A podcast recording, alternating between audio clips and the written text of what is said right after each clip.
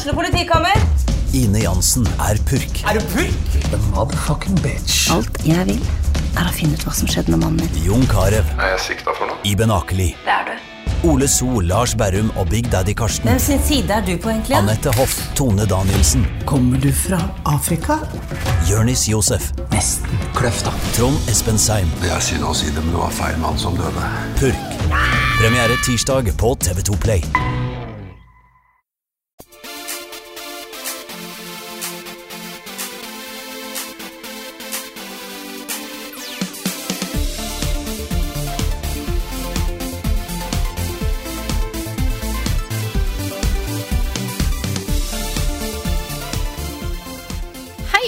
Velkommen til en ny episode av podkasten Level Backup med meg, Frida Danmo. Og med meg i dag så har jeg ikke Karl Martin Hogsnes og Rune Fjell Olsen, for de har tatt ferie. Så istedenfor så har vi her eh, Lars og Nick. Hallo, folkens. Hello. Hvordan har dere det? Nei, du kan begynne du, Nick. Ja, nei, jeg, jeg Jeg har det helt fint. Selv om enten så begynner jeg å bli sjuk, eller så har jeg fått skikkelig allergi. Uff da. Men det er sånn classic uh, summer vacation. Ja. Jeg vet det er. Jeg har også sånn tendens til å bli sjuk på sommertida.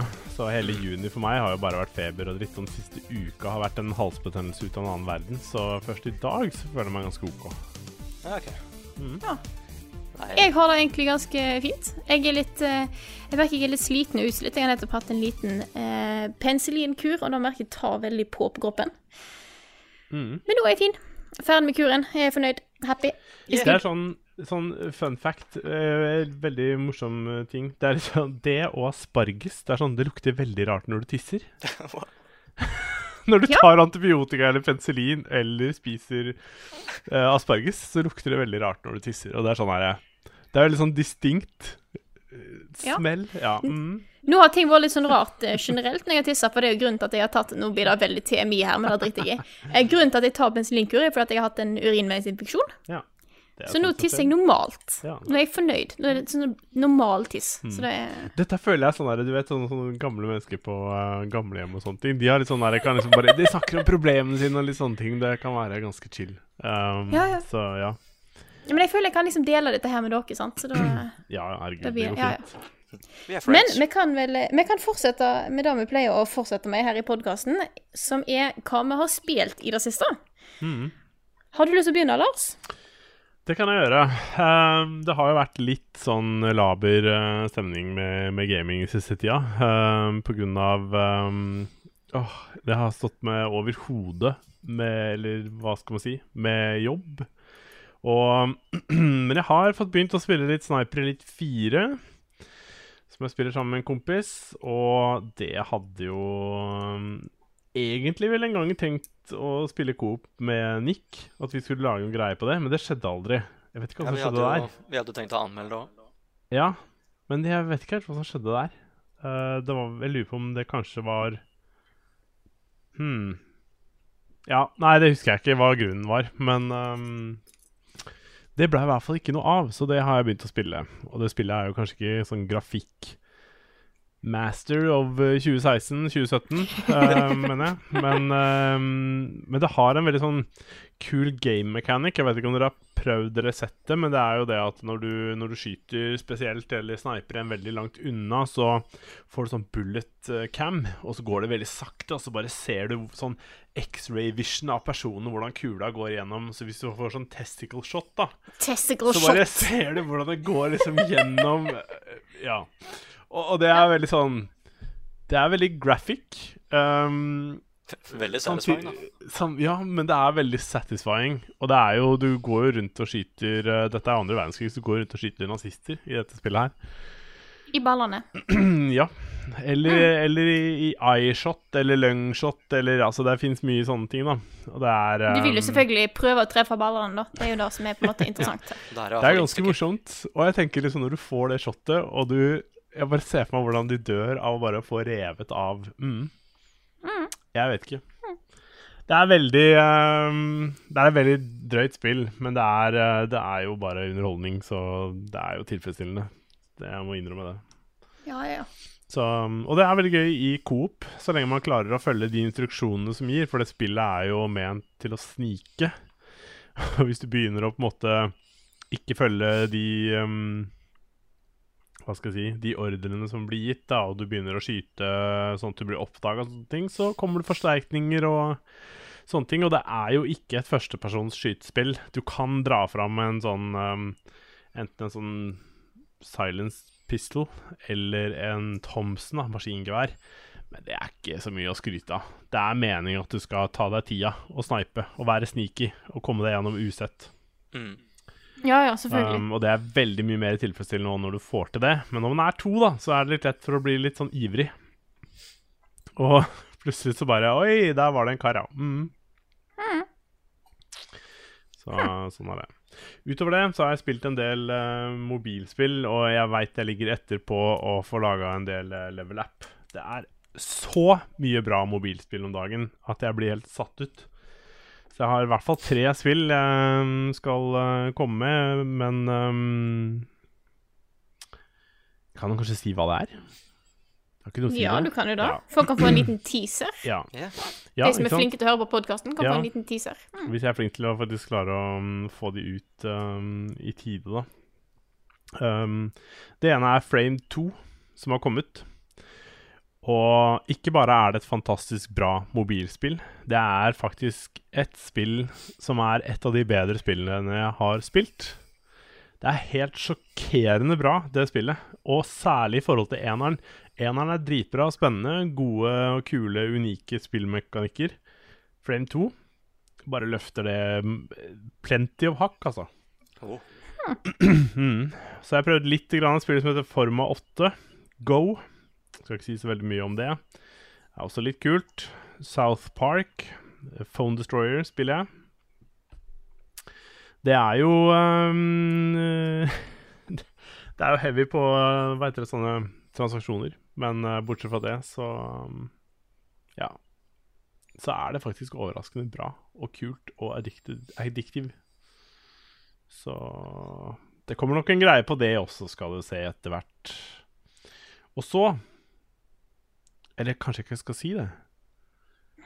Nå ble jeg litt usikker på om vi skal Skal jeg OK. Du kan holde litt secret òg, da. Ja, kan, ja OK. Men, eller, eller, eller, eller kan jeg si det som Nick Du, det spillet som du liksom mm, Nei.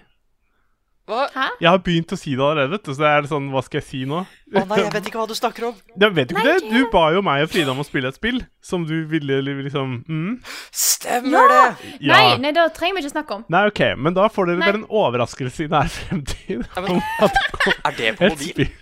Yes, det er det. What? Det er gratis i tillegg på mobil. oi.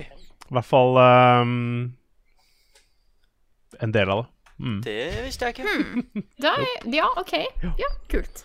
Så dette er bare til å se fram til, folkens. Ja. Den gangen det kommer et eller annet om et eller annet Ja, så av dette jeg oss. begynte den mest kryptiske greia, men idet jeg begynte å si det, så innså jeg kanskje at bare nei, det skal vi kanskje ikke si ennå. Nei, men, men, ja, men eh, Ja. det var en veldig, veldig subtil teaser, så da Ja. vet dere det, folkens. Jepp. Så Men det, det, er- det jeg er har spilt. spilt eh, Ja. Nick, har du lyst til å fortsette? Yeah, for jeg har spilt Ja. Eh, Crash Bandicoot uh, Hva er det det heter? Insane Trilogy.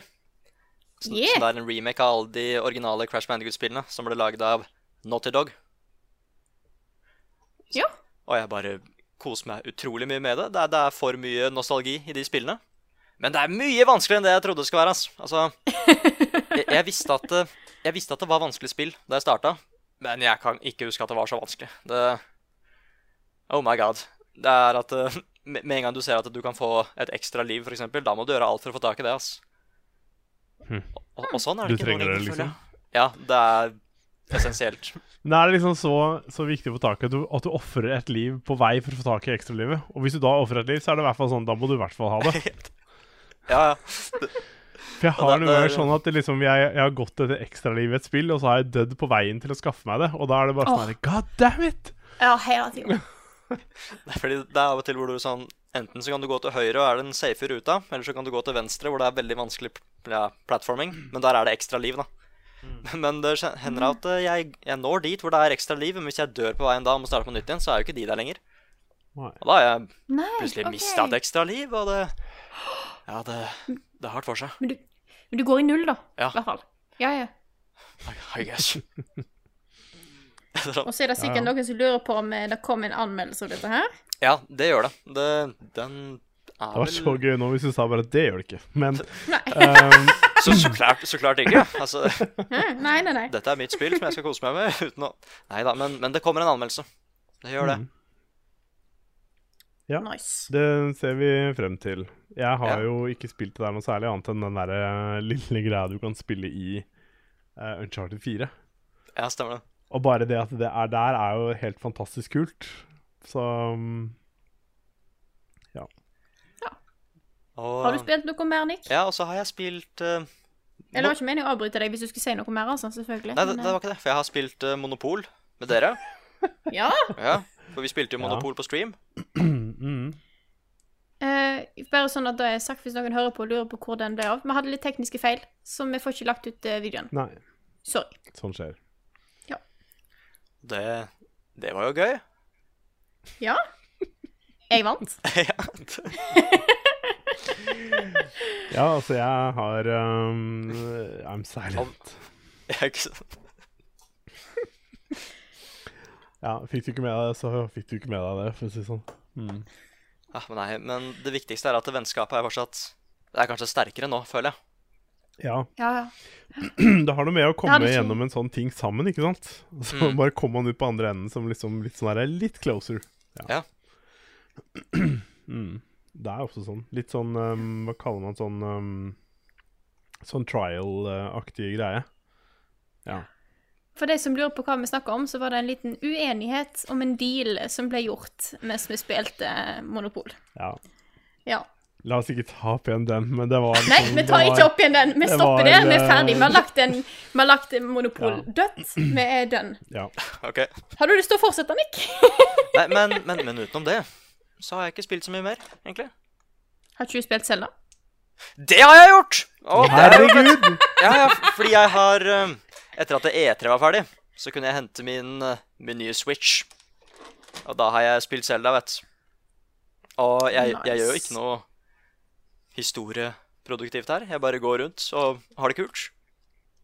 Ja. Men det er det som er så gøy i Selda. Å bare liksom gå rundt og gjøre random ting. Bare sånn Hei, det er kanskje noe kult på den haugen her borte. Og så går du bort der og ser om det er noe gøy der borte. Ja, ja. Og så er det sånn derre jeg, jeg gjør jo sånne ting som Jeg blir jo litt sånn der mindblown. Fordi jeg hugga tilfeldigvis borti et tre mens jeg sloss mot en enemy, og så kutta jeg ned det treet. Det er sånn Det, det var nytt for Du meg. bare. Ja, og så tente jeg på gresset, og så Jeg dytta en stein som traff et eller annet annet, og det er Hva er det det her heter, da? Det er the, the devils is, is in the details and all that stuff. Ja, ja, ja. Mm. Mm. Lynet kan slå når jeg kan liksom se det. Jeg tenker at oi, Hvis jeg hadde stått her, hadde jeg overlevd det. og det... Nei, det, det er en skikkelig open and living world. Mm. Definitivt. Og jeg er litt redd for at det kan slå Nier Automata som Game of the Year. Altså. Det... Ja, det Du hørte det her, eh, du hørte det her, folkens. Det er Ja. ja, jeg, må, jeg, jeg må tenke litt der, men det er eh, Det er competition nå. Mm. Jeg trodde at jeg måtte vente til Red Dead Redemption 2 for å ha ett spill som var i nærheten til å kanskje slå Nier Automata, men eh, jeg glemte jo helt Zelda. Ja. It's really good. ja, det er bra spill, altså. Ja. Folk spilte sikkert en vakker dag. Ja, da må du, da må du Lars. Mm. Det, Jeg trenger en Switch, og jeg trenger Selda. Zelda. Ja. du trenger Zelda Breath of the Wild i livet ditt. Mm. Og så har jeg smakt på spillet nå. Just, bare, bare for å være sikker. Du har det, ja? Ja, ja, ja. Hva syns du? Smakte ikke godt. Jeg, skva, jeg skvatt litt, for det var en ganske sånn ja, det, heter, det smakte veldig mye sånn som eh, så, Sånn veldig Jeg holdt på å si kobber. Eh, ørevoks. Ja. Ja. vi sier ørevoks. Det smakte veldig Ørevoks. litt som ørevoks. Ja. Hvorfor har du spist ørevoks? Det lurer jeg på. Jeg har sikkert eksperimentert, vet du. Ok, det er greit. Um, men det er samme middelet som de har i sånne ting som du putter i på neglen, ikke sant? Fordi Og sånn der uh, stopp og bit ja, negle-greier. sånn godnegl, som, som det kaltes. For Mm. jeg hadde det da jeg var mindre, fordi at jeg um, beit jo negler. Problemet var at jeg ga jo F i det, og Ja, beit jo fortsatt. her. Og den yep. smaken, liksom, den var bare sånn Man ble liksom vant til det, skjønner du? Mm. ja. Så jeg, jeg, har, jeg har litt lyst til å smake på en sånn uh, På et sånt spill, for å liksom kjenne om liksom, Er det noe jeg kan like? Du er adapta, liksom. Ja, nettopp. Kanskje jeg liksom finner uh, Ja, nei. Mm. Don't know. Nei, men eh, vi går fra ørevoks til eh, det jeg har spilt i det siste. Å, Segway, nice. Eh, og det er ikke noe overraskelse for de som hører på podkasten, at jeg fortsatt kjører på med Persona. Så eh, jeg eh, jobber meg framover. Jeg har eh, Det har jo vært en sånn liten sånn der, eh, småtradisjon de siste ukene at jeg har tatt en ny boss for hver nye podkast. Men det har jeg faktisk ikke gjort nå. Eh, jeg hadde tenkt å Jeg skulle spille en del i går men så ble det travelt, og så var jeg lenge på jobb i dag, og så fikk vi sein varelevering, så jeg har liksom ikke fått tatt den siste bossen, da. Men det er egentlig bare for meg nå å gå inn og slå han. Nei! Nei, nei, nei! Jeg tuller! Jeg tok han jo i forgårs. Yeah! Yeah, jeg har bare ikke fått liksom, Storyen har ikke gått videre. Det er derfor jeg eh, ikke tenkte Nei, jeg har tatt, jeg har tatt neste boss i Persona. Så eh, jeg, jeg bare kjører på der, jeg. Problemet nå er at jeg får, eh, jeg får besøk i morgen. Og skal på hyttetur. Altså problem. Veldig sånn luksusproblem. Jeg får besøk av eh, et par venninner og eh, Petter i morgen. Og så får jeg noen andre venner på besøk på mandag. Så skal vi dra på hyttetur i ei uke. Og da får jeg ikke spilt Persona, men jeg tror jeg skal klare meg. Jeg tror det skal gå fint. Mm. Uh, altså, Jeg testa Phone Destroyer, South Park sitt eh, mobilspill, i sånn eh, Kom forbi den første tutorial. Men så skulle jeg på jobb, og så Ja, så ble det ikke mer av det. Men eh, da kommer jeg sikkert til å teste litt framover, tenker jeg. Mm. Og så spilte jeg jo selvfølgelig Monopol i går. Men, ja. Det var gøy. Ja. Ja. Jeg men jeg tror eh, eh, Nei, fortsett. Nei, jeg skulle bare si egentlig i forhold til pers personer. for jeg hadde jo veldig lyst til å prøve å, å sette meg ned og starte det selv, for jeg har hørt så mye bra om det. Og så ble jeg presentert noen greier uh, som jeg bare overhodet ikke likte, og jeg skjønner ikke hvorfor liksom, de må nødt til å putte sånne ting inn i et spill i 2017. Disse her uh, om diverse jokes om homofile og sånn. Og så ble jeg bare sånn herre Hva skjer med, med spillet? Og så leser jeg det er flere som hadde reagert på dette her, da, med måten det liksom hadde blitt fremstilt på. Så um, Ja, dette er ikke Um, noe jeg har sett i spillet Nei, ennå, det, kanskje. det er vel sånn at man ikke nødvendigvis kommer over det heller, tror jeg.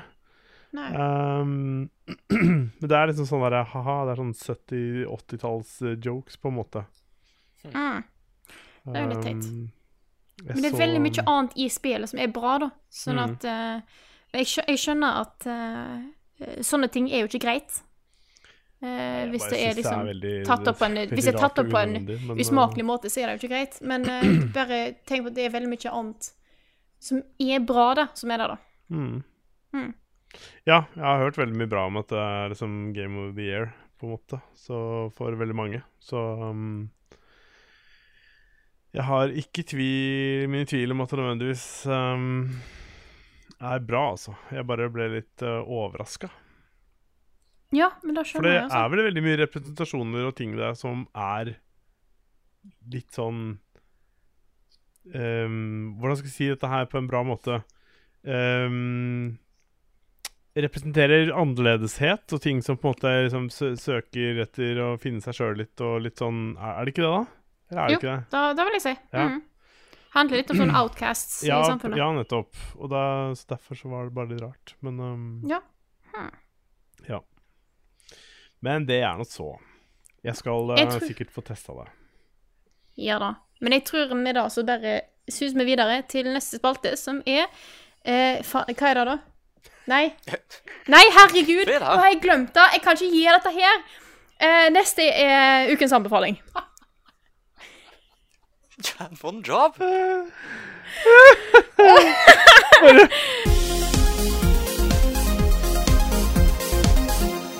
Da har vi kommet til ukens anbefaling, og denne gangen her så er det Nick som skal komme med noe eh, eh, Noe bra å anbefale. Yeah, og det er fordi at Yeah. uh, om én uke, eller kanskje en og en halv, i hvert fall 17. juli, så er det en ny sesong av Game of Thrones. Hei! Så det du kan bruke i hvert fall disse dagene her på da, er bare catch up og gå på HBO Nordic og bare se alle episodene av Game of Thrones. For dere har sett Game of Thrones, ikke sant? Selvfølgelig. Ja. Lars? Men jeg vet det er mange som ikke har gjort det. Ja, ikke sant? Red Wedding? right by. Men det er mange, for det er mange som har spurt oss om hva vil dere anbefale oss å gi- eh, hva, hva, vil dere, hva er gøy å gjøre om sommeren. Mm. Ta opp en Game of Thrones er en god idé. Mm. Late Og nå hvis jeg kan bare Hvis jeg kan bare Nei, jeg bare sier late kvelder med liksom sånn TV-kos er jo bare åh, Og så tenker jeg hvis, hvis jeg kan på en måte hijacke litt den anbefalingen, da. Hvis du har sett Game of Thrones, så kan du se opp igjen forrige sesong, så du er klar for neste sesong. Hell yeah. Ja! Sant? Ja, det må jeg gjøre, skjønner jeg. Ja. Ja, for Det, der er det um, mange navn og mange families og områder og mye å sette seg inn i. Stemmer det. Det er mye jeg eh, Den forrige sesongen var jeg litt sånn derre um, Jeg var litt forvirra av den, så um, jeg må kanskje se den en gang til. Ja. Mm.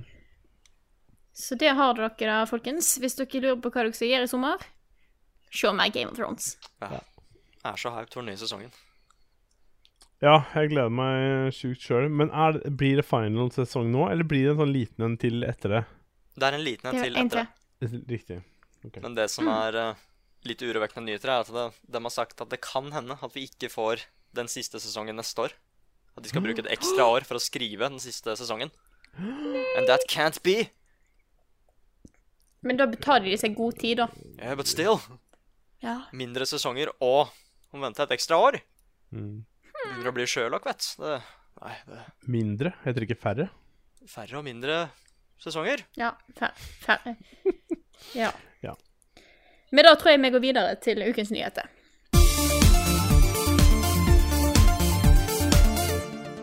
Da har vi kommet til ukens nyheter, eh, og nå som Rune ikke er her, så er det jeg som tar litt eh, ansvar her for å eh, finne nyhetene denne uka her.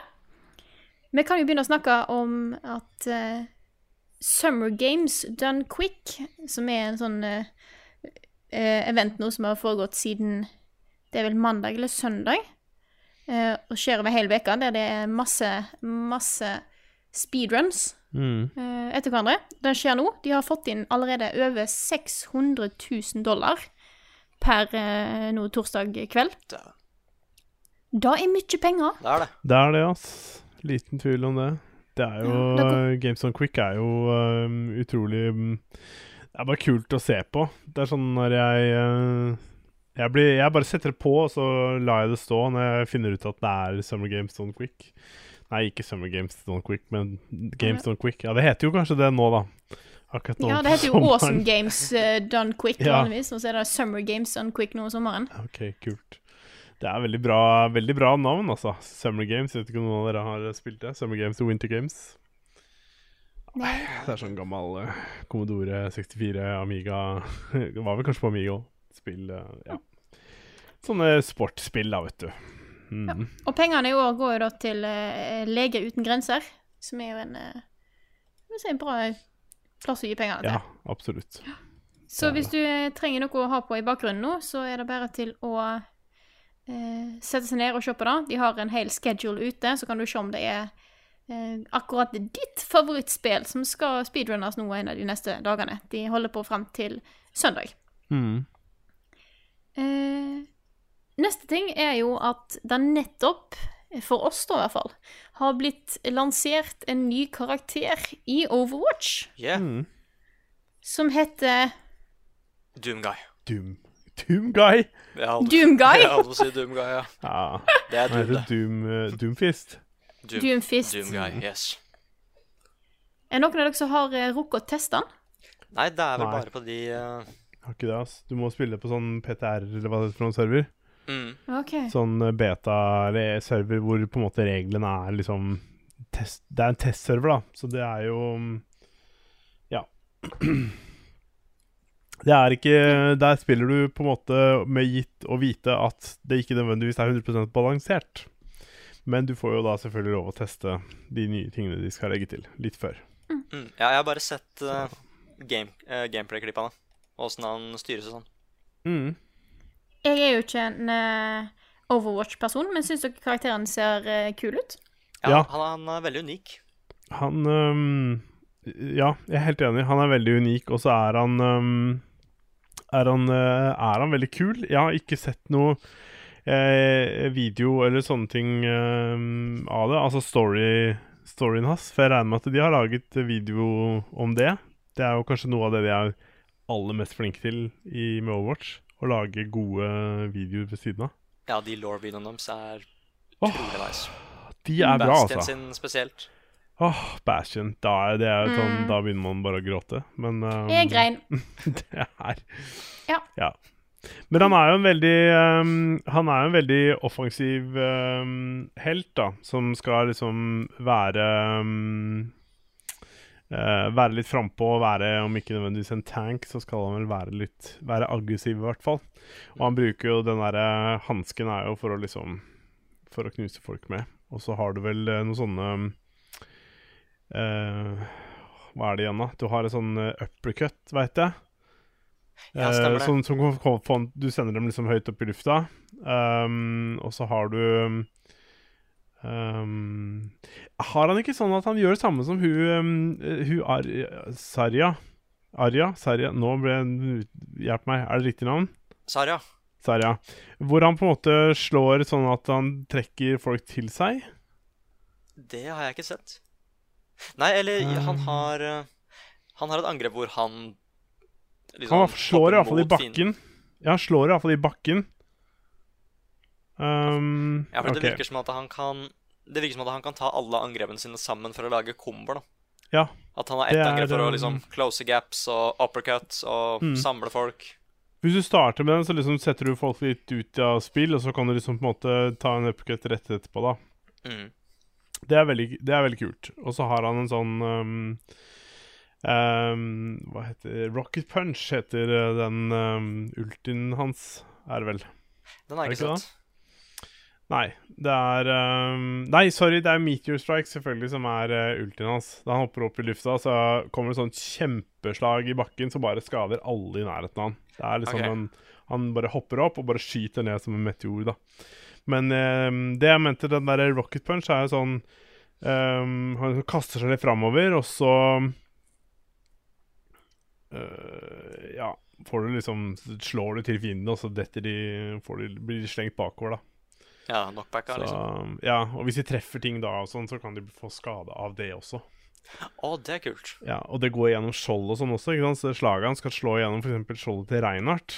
Og det er litt interessant og kult, fordi Reinhardt har jo ofte vært en sånn derre eh, umulig barriere å komme seg gjennom for veldig mange. Det var vel bare den um, Hva het han med kjettingen? Heter han? Uh, Roadog, ja. Han kunne vel komme gjennom med den. Eller kunne han ikke det? Sier han jeg feil kunne- nå? Nei, jeg tror ikke han kunne. Eller Nei, kanskje ikke. Jeg trodde det. Ja, Jeg tror samme det. han, han kan stoppe alle liksom Ja. prosjektiler og sånn.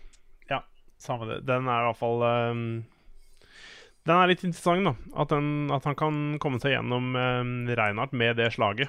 Så um, Ja. det blir spennende å se hva, hva det betyr for Reinhardt sin del. At han er med. Og så er han dessverre ikke voisa av Terry Cruise. Oh. Nei. God damn it. Åh, Hadde jo vært the dream. Ja, det Mm. Crap. ja. Vi kan gå videre til neste nyhet, som er at uh, i går, for dere som hører på podkasten, så hadde Nintendo en Splatoon 2 Direct.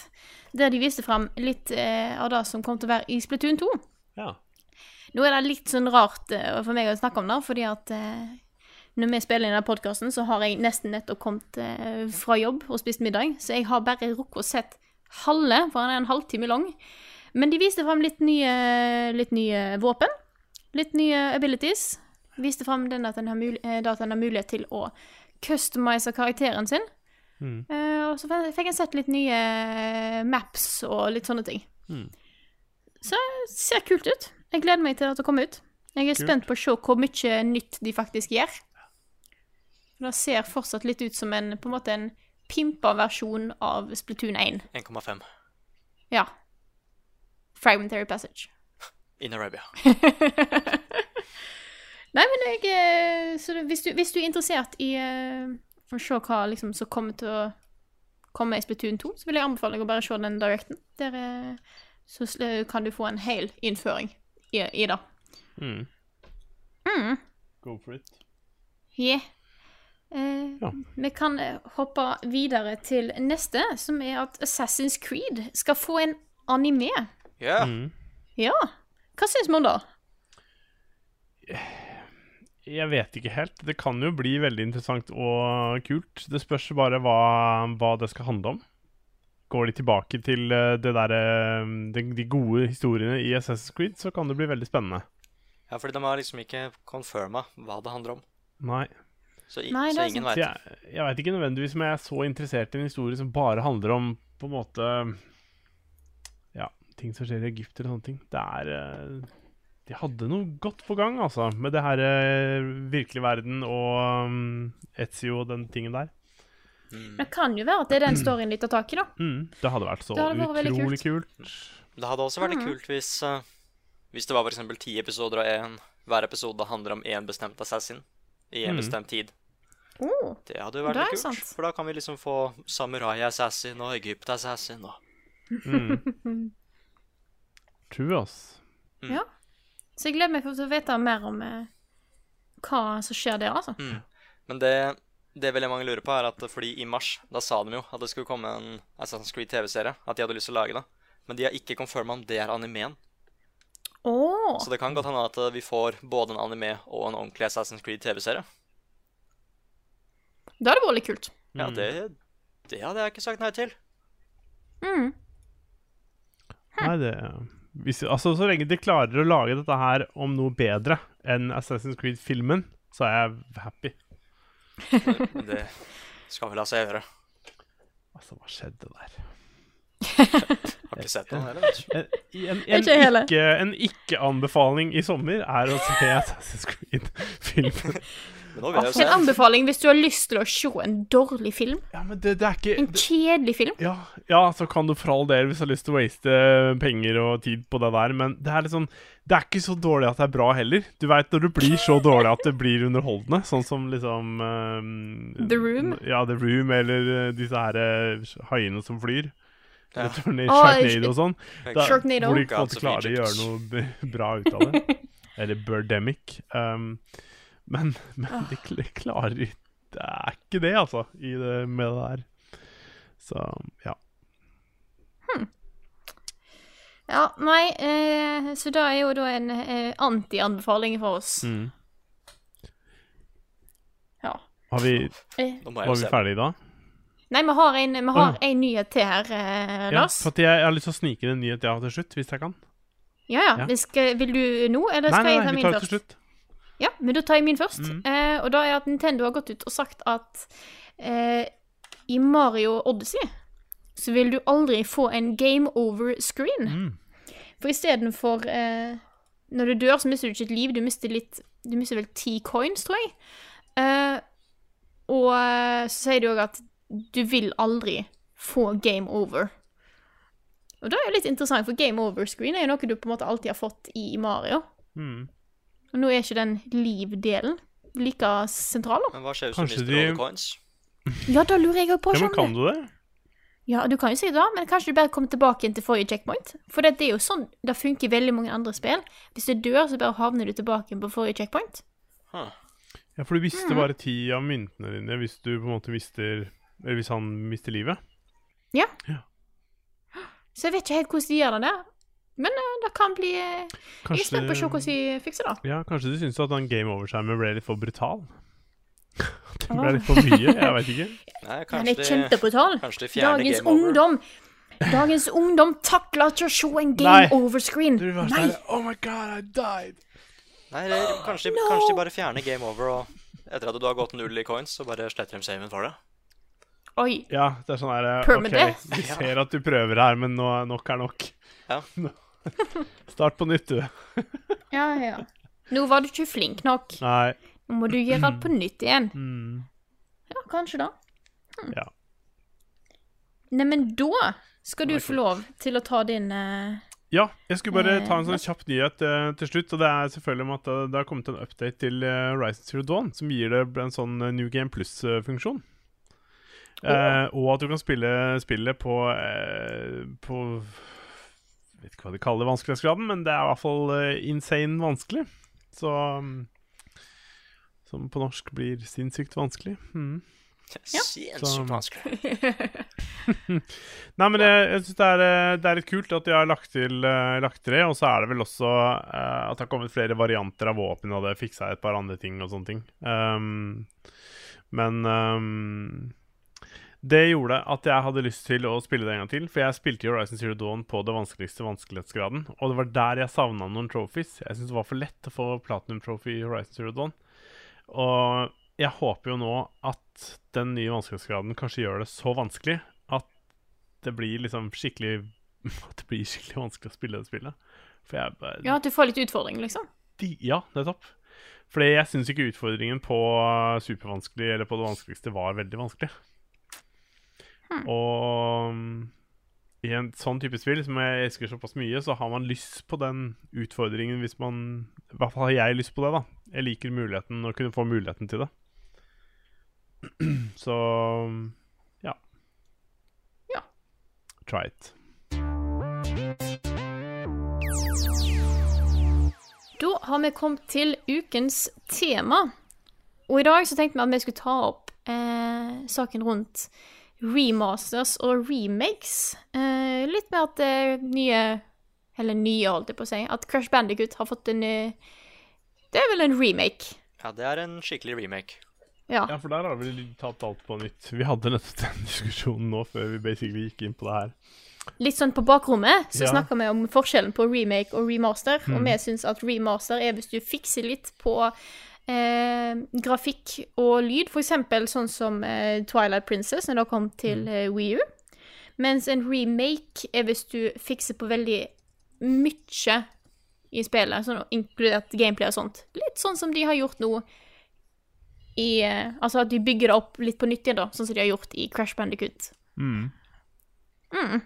Ja. Så hva syns vi egentlig om da at de lager remakes og remasters? Syns, er det bare Er det noe som vi eh, som kjøpere har godt av, eller er det bare en måte for produsentene å få ekstra penger fra vår nostalgi? Det er jo litt både og. Fordi um, hvis du har eh, Til PS4 har det jo kommet utallige remasters. Um, eller sånne definitive versjoner, da. Og grunnen til det Jeg kan forstå det. Fordi la oss si spill som um, uh, The Last of Us, Uncharted 1, 2, 3 um, Nå klarte jeg ikke å komme på noe spill. Vi snakka masse om dette her før. det. Ja, jeg vet det. Du har liksom um, Jo, altså uh, Ikke til PS4, men til ehm, eh, Halo, The Master Chief uh, Collection. Du har Bioshock Collection. Ehm, eh, hva mer det har vært? Uh, Metro har jo kommet til sånn derre Redux. Vet ikke hva Redux betyr? Tenk da, Redux? Redo? Re er det gjort på nytt, bare? Eller? Ja. Ja, mm, vanskelig å si. Uh, Resident Evil. Mhm. Eh, Sjokk. Hold deg fast. Skyrim. Ja, Har Skyrim Um, fått nye versjoner? Slutt å tulle! Det er jo. Det er jo, det er jo sånn man nesten ikke skulle tro det er sant, men uh, ja. Uh, Tomb Raider, Definitive Edition. Uh, ja. Men sånn som Uncharted sånn, så skjønner jeg det godt, fordi at de lanserte jo Uncharted 4, og de kommer jo også med The Last of Us 2. Og jeg tenker at de som har lyst til å spille det, og få med seg den opprinnelige historien, da Og, og det er jo sånn Jeg skjønner det godt, for dette er en spillserie, og det er spill som de Som man har veldig lyst til å spille, for det er veldig bra spill. Så er det litt kjipt å måtte si til eh, de at eh, du, da må du gå og kjøpe deg en PS3, og så kan du kjøpe det spillet. Ikke sant? Og hvis ikke du får kjøpe det i butikken, så må du, du må kjøpe en brukt en. Og For det er jo ikke bakoverkompatibilitet. Det er jo et av problemene slash pengelønnsomheten til disse selskapene. Um, så Men jeg kom på det, ja. syns jeg det er en bra ting, da. At man kan kjøpe Uncharted og spille de på nytt. Så man slipper å Ja. Det er ikke alle som faktisk har hatt en PS3 eller PS2 eller PS1. Mm. Jeg kom på det litt nå når vi snakker om dette, at vi har snakka om det litt tidligere i podkasten en eh, annen gang. Mm. Eh, det ble tatt opp som et eh, spørsmål som ble tilsendt oss. Ja. Eh, og da husker jeg at Carl eh, nevnte da at han syns at det er greit så lenge det gir spill mer tilgjengelig for folk. ja. Det er Og da syns jeg er en veldig god måte å tenke på det på. Mm. Rett og slett fordi at uh, så lenge det er gjort sånn at flere kan få mulighet til å spille det, Mm. så syns jeg det er en god måte å gjøre det på. For eksempel da at uh, Shadow of the Colossus nå får en uh, ny Det er jo en fullstendig remake, Ja, er det remake? som kom til PS4. Ja, det er Ja. Ja. da er fullstendig Altså, opp, det er jo samme spillet, men mye, mye bedre grafikk. Men jeg tror de skal fikse på en del sånn gameplay-greier òg. Mm. Eh, så jeg vil kalle det en remake. Og da vil jo gi det spillet som eh, kanskje mange ikke har prøvd, fordi at det er på PlayStation 2, eventuelt til PlayStation 3, i en HD-utgave. Eh, det gir folk mulighet til å spille det, for det er veldig mange som har en PlayStation 4. Kanskje mange som har tenkt på å spille det, men da å finne fram en PlayStation 2 eller en PlayStation 3 er veldig mye jobb. Ja, det var liksom nettopp det Det, Mm. eh, det jeg sa, og det er på en måte Da, da er det greit. Det er jo Men det virka litt sånn rart når det kom til PS4, fordi det var veldig mange spill som var ganske nye, da, som de tok og pussa opp. Og gjorde tilgjengelig på PS4. Mm. Så det kan kanskje virke, virke litt weird, men uh, jeg vet ikke. Men la oss se litt da på en litt annen måte, da, når vi kan koble dette her litt til Crash Bandicoot, som nettopp har kommet ut. Mm. Eh, fordi at eh, oftest vil jo folk at det skal være så likt originalen som mulig. Ja. Med at den ofte det bare ser finere ut, og at det, det er litt mer moderne, da. Hvor mye syns dere, at, eller vi, at eh, de skal kunne fikse på ting som gameplay og sånt, for at det skal virke mer moderne nå? Eh, og at det fortsatt er greit å beholde den der eh, den gamle nostalgifølelsen. Hvor viktig er den? Det er så, det er så vanskelig å si òg, fordi en ting som f.eks. gjorde Crash Bandicoot såpass stort, er fordi at det var så veldig vanskelig. Og hvis de da f.eks. begynner å fikse med gameplay som gjør at ting ikke nå er like vanskelig som det det var, det, det kan ødelegge veldig mye på opplevelsen, tenker jeg. For Ja, for du nevnte tidligere at du syns at nå eh, Crash Bandicoot var vanskeligere nå enn du prøvde det første gang. Ja, for eksempel eh, Også veldig vanskelig å si, fordi Crash 1 det var, De var ikke helt sånn De hadde ikke helt fått til sånn ordentlig level-design ennå, føler jeg. De drev og eksperimenterte. Og derfor så tror jeg det spillet var utrolig mye vanskeligere enn det f.eks. Crash 2 og 3 var. Men når jeg starta å spille nå, så var det enda vanskeligere enn det jeg trodde det skulle være. liksom. Mm. Og det Nei, jeg, jeg Det er ikke sånn godt å si hvor mye du kan forandre på da, før du faktisk begynner å ødelegge det som gjorde de forrige spillene såpass bra. Ja, jeg, jeg vil jo si I forhold til eh, Uncharted, da, for å ta det som et eksempel, så hadde de jo en veldig wonky og litt Det var ikke nødvendigvis veldig dårlig, men det var et veldig stort sprang når Uncharted 2 kom. Styringsmekanismen og måten du det at du kunne kaste granat og sånn med en egen knapp og sånne ting. Um, det var veldig kronglete i det originale. Og det at de under remaken tok styringssystemet fra Uncharted 2 og la det inn på alle spillene, det mener jeg løfta Spesielt for Uncharted 1 så løfta det spillopplevelsen til noe bedre.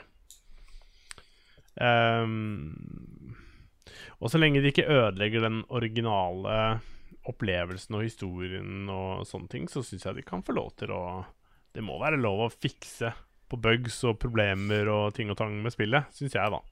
Mm. Ja, for du gjør Um, spillopplevelsen bedre, da. Hvis mm. et spill har hatt et sånn veld, veldig irriterende problem, Ja. så syns jeg det må være, forlov, må være greit å fikse opp i. Ja. Da vil du bare gi en, gi en bedre opplevelse i senere tid. Absolutt. Det er jo ikke å legge tvil på eh, legge, altså legge skjul på at uh, en del spill, spesielt sånn eh, 3D-plattformere, før i tida hadde et ganske clunky uh, styringssystem i forhold til det vi er vant med nå. Mm. Crash Bandicoot. Ja.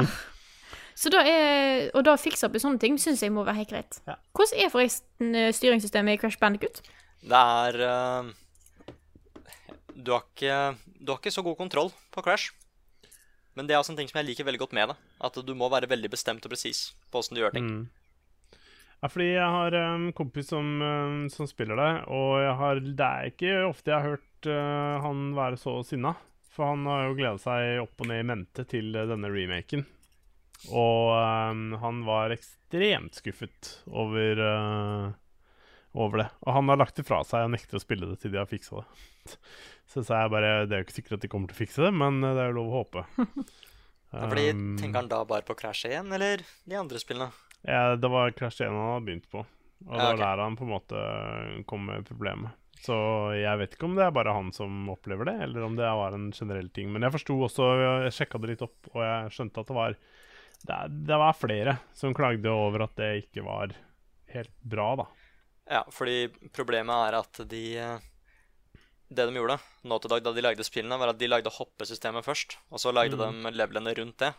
Mm. Men det de tydeligvis har gjort nå til remasteren, er at de har bare tatt hoppesystemet til eh, Crash 3. Og så bare lagd levelene, men med det hoppesystemet. Og da krasjer det litt. Grann. Mm. OK. Så du føler at det er liksom en det er en eller annen barriere mellom at det liksom, ting funker ikke helt sammen, da, på en måte? Nei, eller Et veldig godt eksempel er at uh, f.eks. i Crash 1, da du hoppa og gjorde en salto, eksempel, da kunne, Du hadde ikke noe god kontroll på Crash etter det. Men i treeren, da har du plutselig mye bedre kontroll på akkurat det der. Og da kan du enkelt se at det er enkelte baner som ikke passer med det systemet. Men, okay. Men, men igjen, det kan, det kan også være at jeg ikke husker Crash 1 så godt. Jeg, jeg må liksom spille det og deretter spille remaken for å være helt sikker på det. For jeg har ikke Eneste problemet jeg har hatt, er bare at det var veldig veldig vanskelig. Men Mm. det har ikke stansa meg fra å spille ferdig det. Det har det ikke. Jeg tenker at Det er ikke noe problem hvis det er vanskelig, men hvis man er liksom veldig glad og glad i spillet, har spilt det mye For han satt jo i ukene før og spilte de gamle spillene og gleda seg til eh, remaken. Og da kan jeg skjønne at hvis det er veldig Hvis det føles ut som et helt annerledes spill, så kan jeg forstå at det er et irritasjonsmoment, da. Mm. Men eh, jeg har ikke spilt det sjøl, så det er veldig vanskelig å si. Dette er bare kun info jeg har fått fra en kompis, så det Ja. I don't know. Nei, jeg har i hvert fall ikke hatt så veldig mye problem med det. Nei. Det jeg har mest problem med, er egentlig bare at uh, det er noen områder der som har fått så god grafikk at jeg ikke husker dem fra de originale. Mm. At, eh, Ja, det er et luksusproblem, da. ja, det er det. Det er eksempel et oppdrag hvor du finner en sånn En liten isbjørn som eh, du hjelper gjennom et sånt stort område, og jeg hadde helt glemt at det var en level i spill nummer to. Bare, ja, det var det som meg. Fordi jeg har skifta for mye på musikken og det området, og Mm. jeg hadde bare helt glemt det. Mm. Da syns jeg det ser, litt, det ser litt for rent ut i den remaken. Mm. Oi. Men det er, det er bare på Crash 1. Da er det bare til å glede seg til anmeldelsen eh, din, Nick. Ja. Yeah. Mm. Så får du vite mer om det. Ja. Det kommer jo også en god del nye, nye remasters og remakes nå. Det er jo blant annet uh, Starcraft. Kommer jo. Ja. Og så annonserte de jo Age of Empires uh, Hva det, Kalte de det remaster der? Jeg husker ikke hva de skrev. Men der sa de vel også at de kom til å putte inn elementer fra bl.a. Uh, de andre spillene for å gjøre det Mm. bedre. Og da tenker jeg sånn Mm. da ble, da ble det veldig mer interessant igjen, fordi de remasterer ikke det beste Age of Empire-spillet, men hvis de klarer å hente elementer fra de, fra de beste spillene og putte det inn i det, så kan det bli veldig gøy. Og da blir det nostalgi, bra i et Samtidig mye nytt i et spill som Ja, jeg jeg syns det var en veldig interessant um, Interessant ting, så jeg gleder meg til det. Ja. Det er en veldig kul måte å gjøre det på. Mm. Og det er jo, for min del så er jo sånn strategispill som blir remastera, det er, um, er veldig kult. Og det er en del strategispill jeg skulle ønske meg uh, remakes eller remastered versjoner av. Mm, og kampen om Midgard. Ja, Det var så kult! så har du dette her uh, Star Wars-spillet. Empire uh, at War het det. Det syns jeg var veldig kult, da. Så det har jeg lyst på en remake av. Men kan jo ta det nå. Er det noen spill her vi har lyst til å ha remakes av? Sånn alle sammen? Ja um, Settlers, spesielt Settlers 2. Få en remake av det. Herregud. Det hadde vært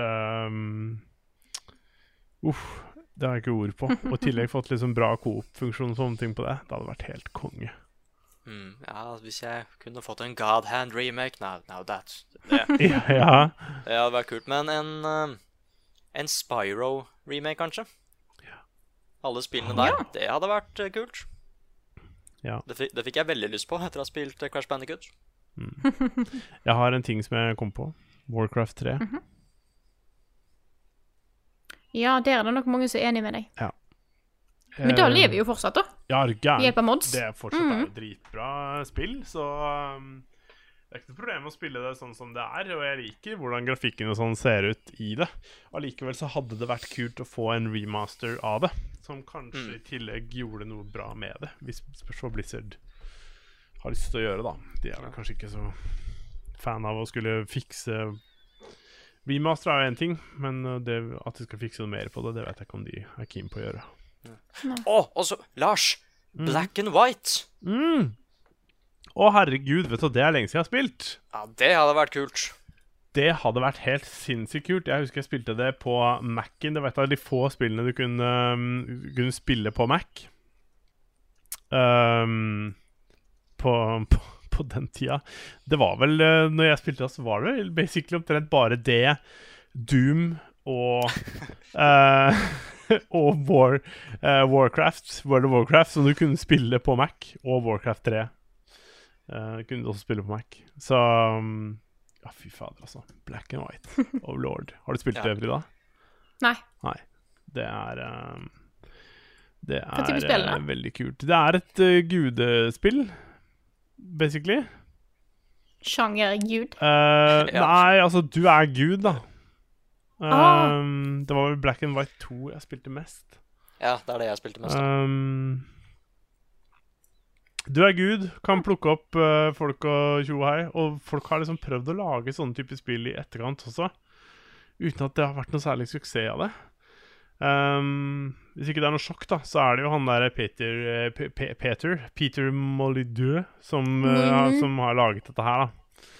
Så han har jo prøvd seg på noe lignende og Goddess og sånne ting, men um, Men jeg syns ikke de, at det finnes noen spill som har slått uh, Black and White 2. Mm. Jeg tror jeg, jeg har nevnt det en gang før når vi, i et uh, spørsmål, men jeg, jeg har lyst til å ha um, Rayman 2 og 3. Ja. Ah, ja. ja. Men hvilken er det det er remaster av? Er, er det Rayman 1, det, kanskje? Er det ikke en remake eller remaster av det? Det fins vel en PS3-versjon av En PS4, er det ikke det? Eller tar jeg feil? Nei, jeg tror Altså, det, det mm. Er det ikke remasterversjon, HD remaster-versjon av Rayman 2? Er jeg, husker jeg så feil? Eh, Master eh, Jeg tar og googler det, jeg. Jeg gjør Eh, det, for det er sånn Remaster eh, Rayman 2 PS4. Raymaster. Raymaster. Ja, for jeg mener det fins en sånn PS4-versjon av det, men eh, det kan være Nei, jeg tror ikke det fins av, eh, av Rayman 2 The Great Escape, altså. Nei, da gjør det kanskje ikke Nei. det. Da er det sikkert bare noen eh, sånn drøm jeg har hatt om at det finnes. Uh, Ja. Heroen der Men jeg tror det fins til PS Jeg lurer på om det fins til PS3 Nei, er det det? Nei, det, altså, det ble jo kommet ut på to konsoller. Det kom ut på både PS1 og PS2. Ja. Uh, Rayman 3 har vel en PS3-utgave, Okay. Uh, men jeg vil ha det Jeg vil ha det, jeg vil ha det full. Full 1080, full Ja, ja. everything. Give it to me. 4K, 6K, everything. Give me all. Ja. 60 FPS. 60. Bring it. Ja. 60 FPS, ja. Ja, ja, kjør på. Det er sånn, PC hvorfor ikke, Hvorfor remake? ikke bare gå for 120? Jeg syns du tar i for lite, Frida. Altså, du må Nei, nei, Skal du så må 144, liksom være sånn der, så kjører jeg det, kjører ha, på ordentlig monitor. Jeg vil ha 60 FPS, eh, 1080P, og så er det sånn derre ja. Tenke større. ja, tenk Ja, men, det, større. altså, men det er liksom, hvis jeg skulle hatt det på en eh, Hvis jeg hatt det på PS4, da, så ville jeg hatt det i 1080 60 FPS, for det er liksom Det er da TV-en min kjører. Jeg skulle hatt det på PC. Da skal vi snakke her. Jeg kan ikke ha mer enn 1080P, for skjermen min tar ikke mer, men jeg skulle jammen meg hatt 144 hertz, altså. Nei, hertz er frames Ja. per second. Ja, det er jo frames. Det er jo same. Ja. Det er same shit. Det er jo da. Men jeg tenkte at det, som regel snakk, i spill så snakker en jo om FPS og ikke Ja. eh, hertz. Så er det veldig forvirrende at FPS er også first person shooter. Så det er sånn Ja, det gjør meg sjukt Hvis du har 60 FPS, så har du 60 first person shooters som bare flyr over skjermen din. Det er ganske fett. Ja. Ja. Mm. Ja, det er helt sant. Nei, men nå har vi Nå tror jeg eh, vi, det er på tide at vi går over til eh, spørsmål og svar. ja.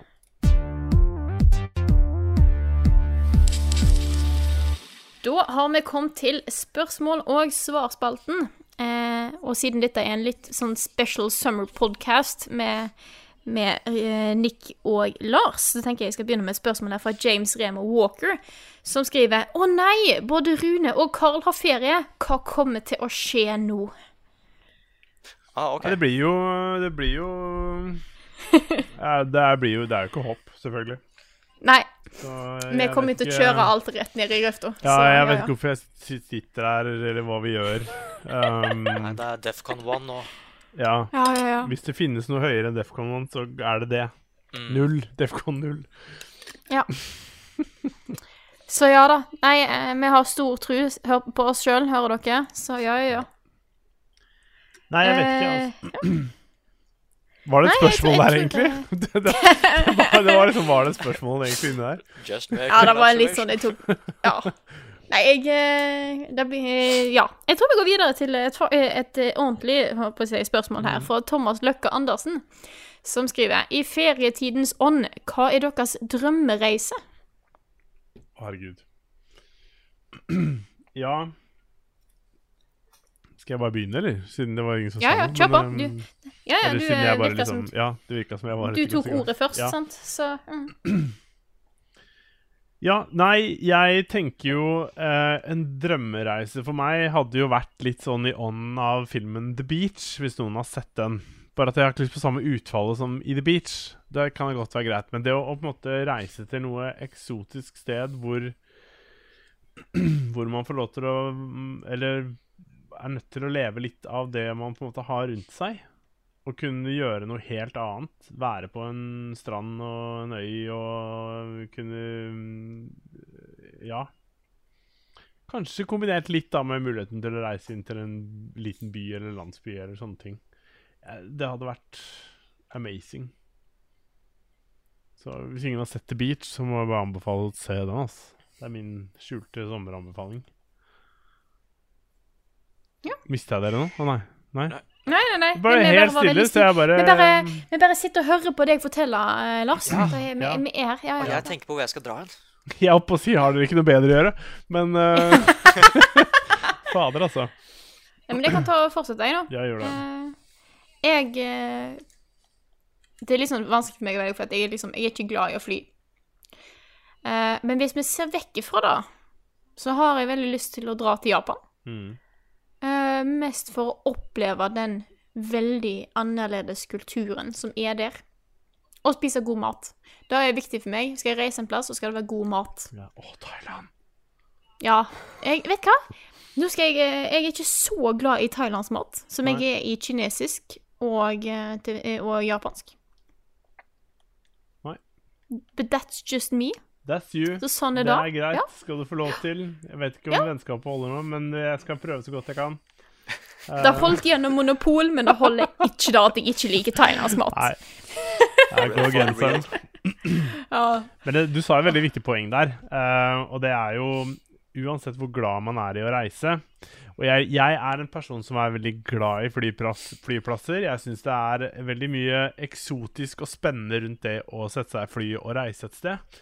Men det å sitte i 12-13-14-15 et eller annet timer på fly, det er ikke gøy. I hvert fall ikke når du er liksom 1,93 i tillegg. Å, nei, da, da liksom- skjønner jeg. Ja. For meg på 1,70 så går det ganske greit. Mm. Men jeg kan tenke meg med litt lengre bein så blir det litt slitsomt. Ja, fy fader. altså det er sånn, Hvis ikke jeg Ja. sitter i midtgangen, så er det ikke håp. Problemet med å sitte i midtgangen er jo ofte at de der som går opp under med trallene når jeg ligger og sover og slenger meg beina ut i midten, så er det plutselig bare sånn derre Klenk! Og så er jeg bare sånn Au! Og da bare Å, jeg så deg ikke. Nei, takk. Sorry. Men, men. Sånn er livet. Ja. Ja. Ja, ja. Ja, men eh, Nick, har du, fun- har du noe drømmereiseplass? Jeg driver og Skal vi se, jeg må finne et eller annet grønt, ikke sant? Det er Bra hvis du sa Arvika eller sånn nå, Nick. Ja, Tveita hadde vært kult. Eh, skal vi se, Irland var et veldig fint sted. Det, det ser fint ut. Der er det Ja, mye det er grønt. sant. Ja. Ja. Og så ser jeg New Zealand. Det er der de filma 'Ringenes herre'. Du, vet du hva jeg skulle til å si nå? Er ikke liksom på en måte Irland Føles ikke det litt som ut som Europas New Zealand? Jo, det ser jeg Det er ganske likt. Det er litt sånn man kan Hvis du kan Ja. Eller, da, det hadde vært veldig kult å gå den der eh, turen til Mordor. Åh, Jeg har så lyst til å gjøre det selv. Kan vi, skal vi gjøre det, Nick? Om, om noen år så kan vi det. Vi kan bare spare litt penger. Jeg er Jeg med. må bli kvitt reiseangsten først. Du, du, du, du reiser sammen med meg. Den angsten er du kvitt i løpet av ti sekunder. Nei. Jeg har uh, slipped som uh, Ritalin eller et eller annet into your drink, ikke sant? Ah, ok. Så bare roer du deg helt ned, og så går dette så bra. Og du bare Par valium og gjennom hele niks. Par valium, og Nick sitter her og bare «Ja, Det går så bra. Ja, det er kjempegøy. Jeg ser på meg den tror jeg, dette var en, en grei dag. Ja, Fader, jeg syns vi skal fly oftere. Men nei, fordi de har lagd de Hobbit-husa. Er ikke de også lagd et eller annet sted i New Zealand? Er ikke det et ekte sted? Jo. The Shire. Ja, er ikke, er ikke det der hvor de faktisk lagde de, da? Jo, jeg tror det. Ja, Jeg tror ikke de har på en måte Jeg tror det er blitt en sånn severdighet. ja. jeg får Jeg tror tenk det. å starte der, og så bare går vi til Mount Doom. Åh, let's. Men jeg har jo òg en annen sånn drøm, da. Og det har vi snakka om før. Det er jo ikke noe eh, å legge skjul på at jeg har lyst til å dra alle sammen i level up til E3. Ja, Eller bare til USA. det hadde vært gøy. Jeg er helt enig i at det hadde vært gøy. Og det hadde jeg vært med på. Så Jeg trenger ikke, å, Ja. trenger ikke å dope meg ned engang. Det hadde jeg vært med på uansett. Ja, du skal aldri si aldri, Nick. Det er, eh, det er mye morsomt i en valium. Mye morsomt i en valium. Um, nei da. Men det er jo mange som faktisk eh, får tar valium, og får liksom mot flyskrekk, så Ja. Litt reiseangst har man alltid, men det der å ha litt sommerfugler i magen og være spent på at man skal reise et sted, det er liksom litt av selve hele opplevelsen. Og jeg, jeg er veldig glad i den der flyplassopplevelsen, jeg, da. Så lenge man ikke bare må stresse, selvfølgelig. Det er ikke noe gøy. For meg så er det litt med den der eh, angsten for å dø konstant på fly. Den er litt verre. Ja. Mm. Ja. Men du veit liksom det at når du har Jeg også har litt, litt den flyskrekken, men så er det sånn at når jeg først har liksom sagt OK, dette er jeg med på. Nå har jeg satt meg her. Jeg får ikke gjort noe. Og så tenker jeg sånn OK, men hvis jeg dør, så dør vi i hvert fall sammen.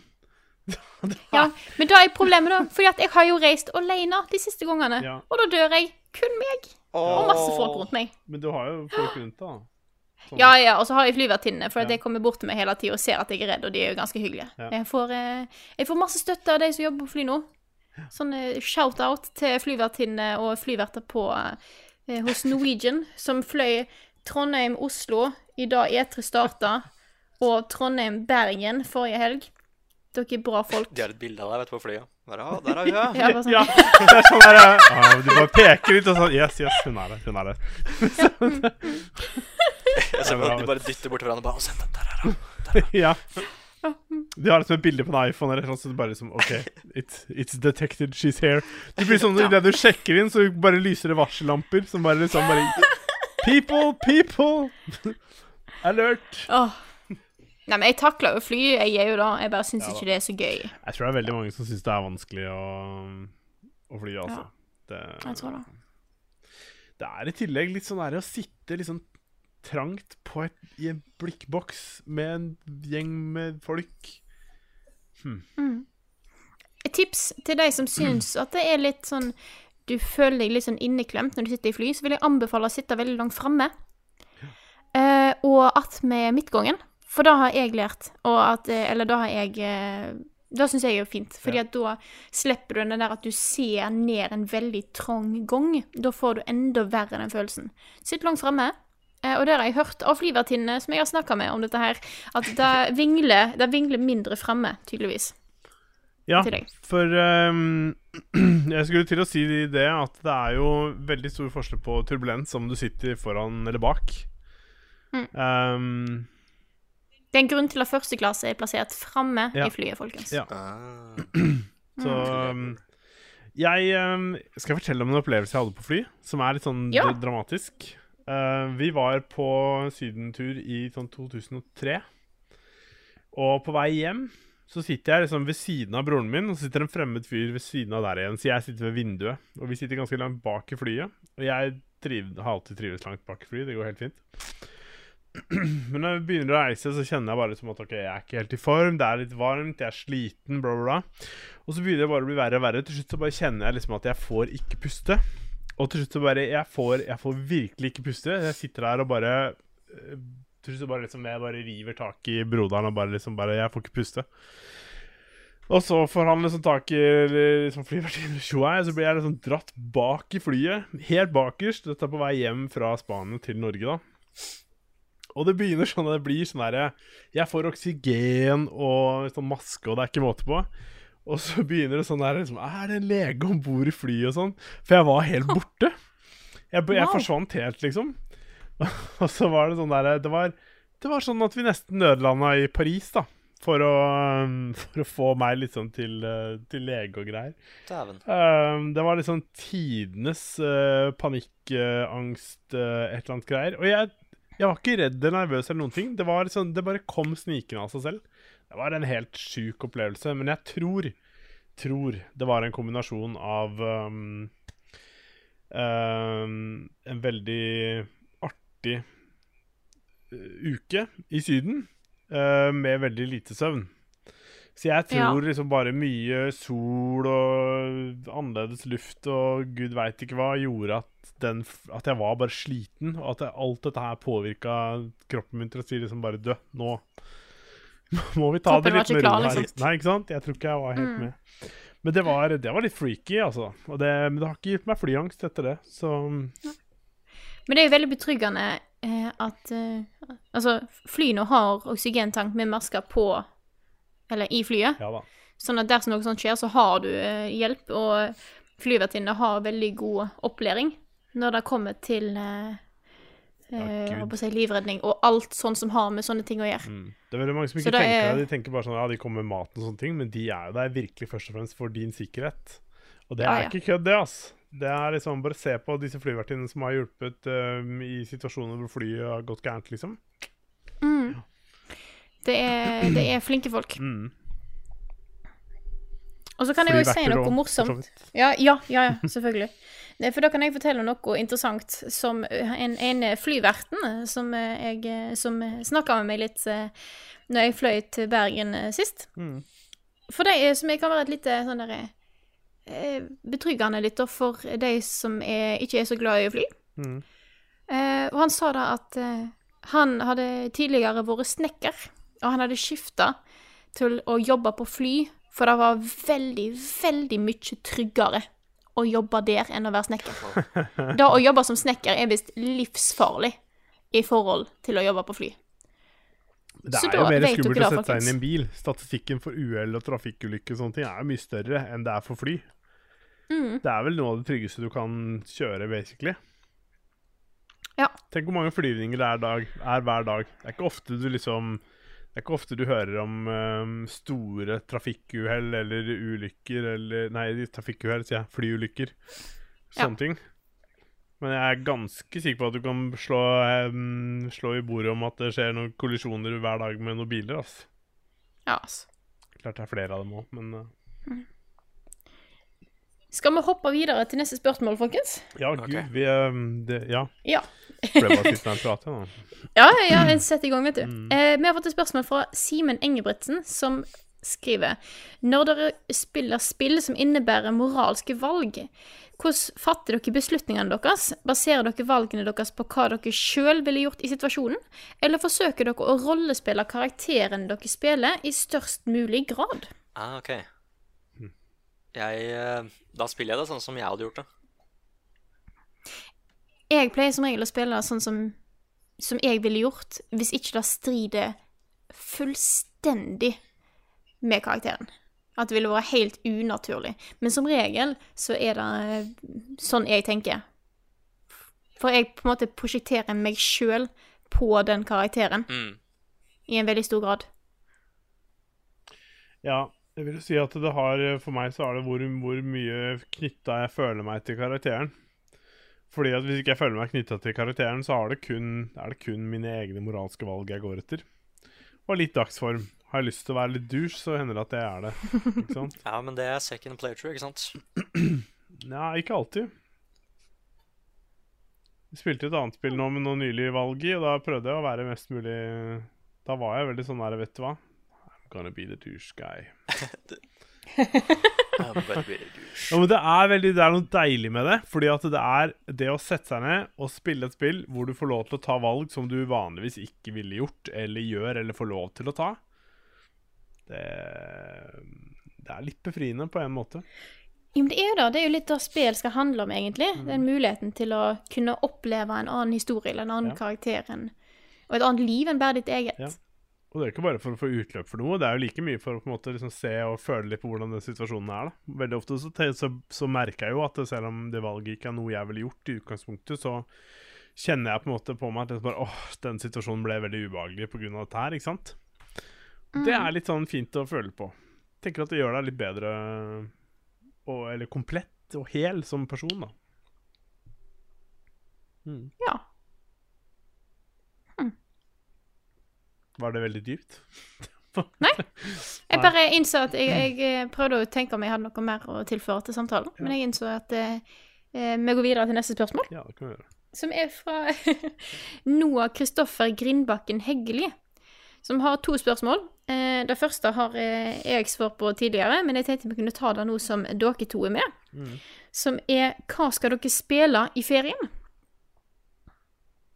Ja, var, det, det var bare ett spørsmål? Jeg trodde du skulle ta to. Det er to, Ja. det er to men, jeg, ja, sorry. Ah, ja, du- men jeg tenkte vi skulle ta det første Ja, først, okay, så jeg ikke glemmer hva det første og det andre Ja, spørsmålet er. Okay. Det var min feil. Jeg satt Sorry. bare nå og venta på at du skulle komme på det andre. Så bare, mm, Ja, ja, da så. innså jeg jo at jeg burde gjort. Hva skal dere ah, spille i sp ja, ferien, folkens? Jeg skal få spilt enda med Selda. Jeg har jo så vidt starta der. Og så må jeg Ja. spille mitt, uh, mitt sommerspill, og det er jo Shadow of the Colossus, som jeg spiller én gang i året. Ja. Det må jeg få spilt. Ja, jeg har ikke noen sånne direkte spill jeg har tenkt å spille nå i um, sommer, men det jeg har spilt hver, hver eneste sommer, det er um, The Last of Us. Og Det kan hende at jeg setter meg ned og gjør det, men um, jeg har ikke hatt den samme greia på at jeg må gjøre det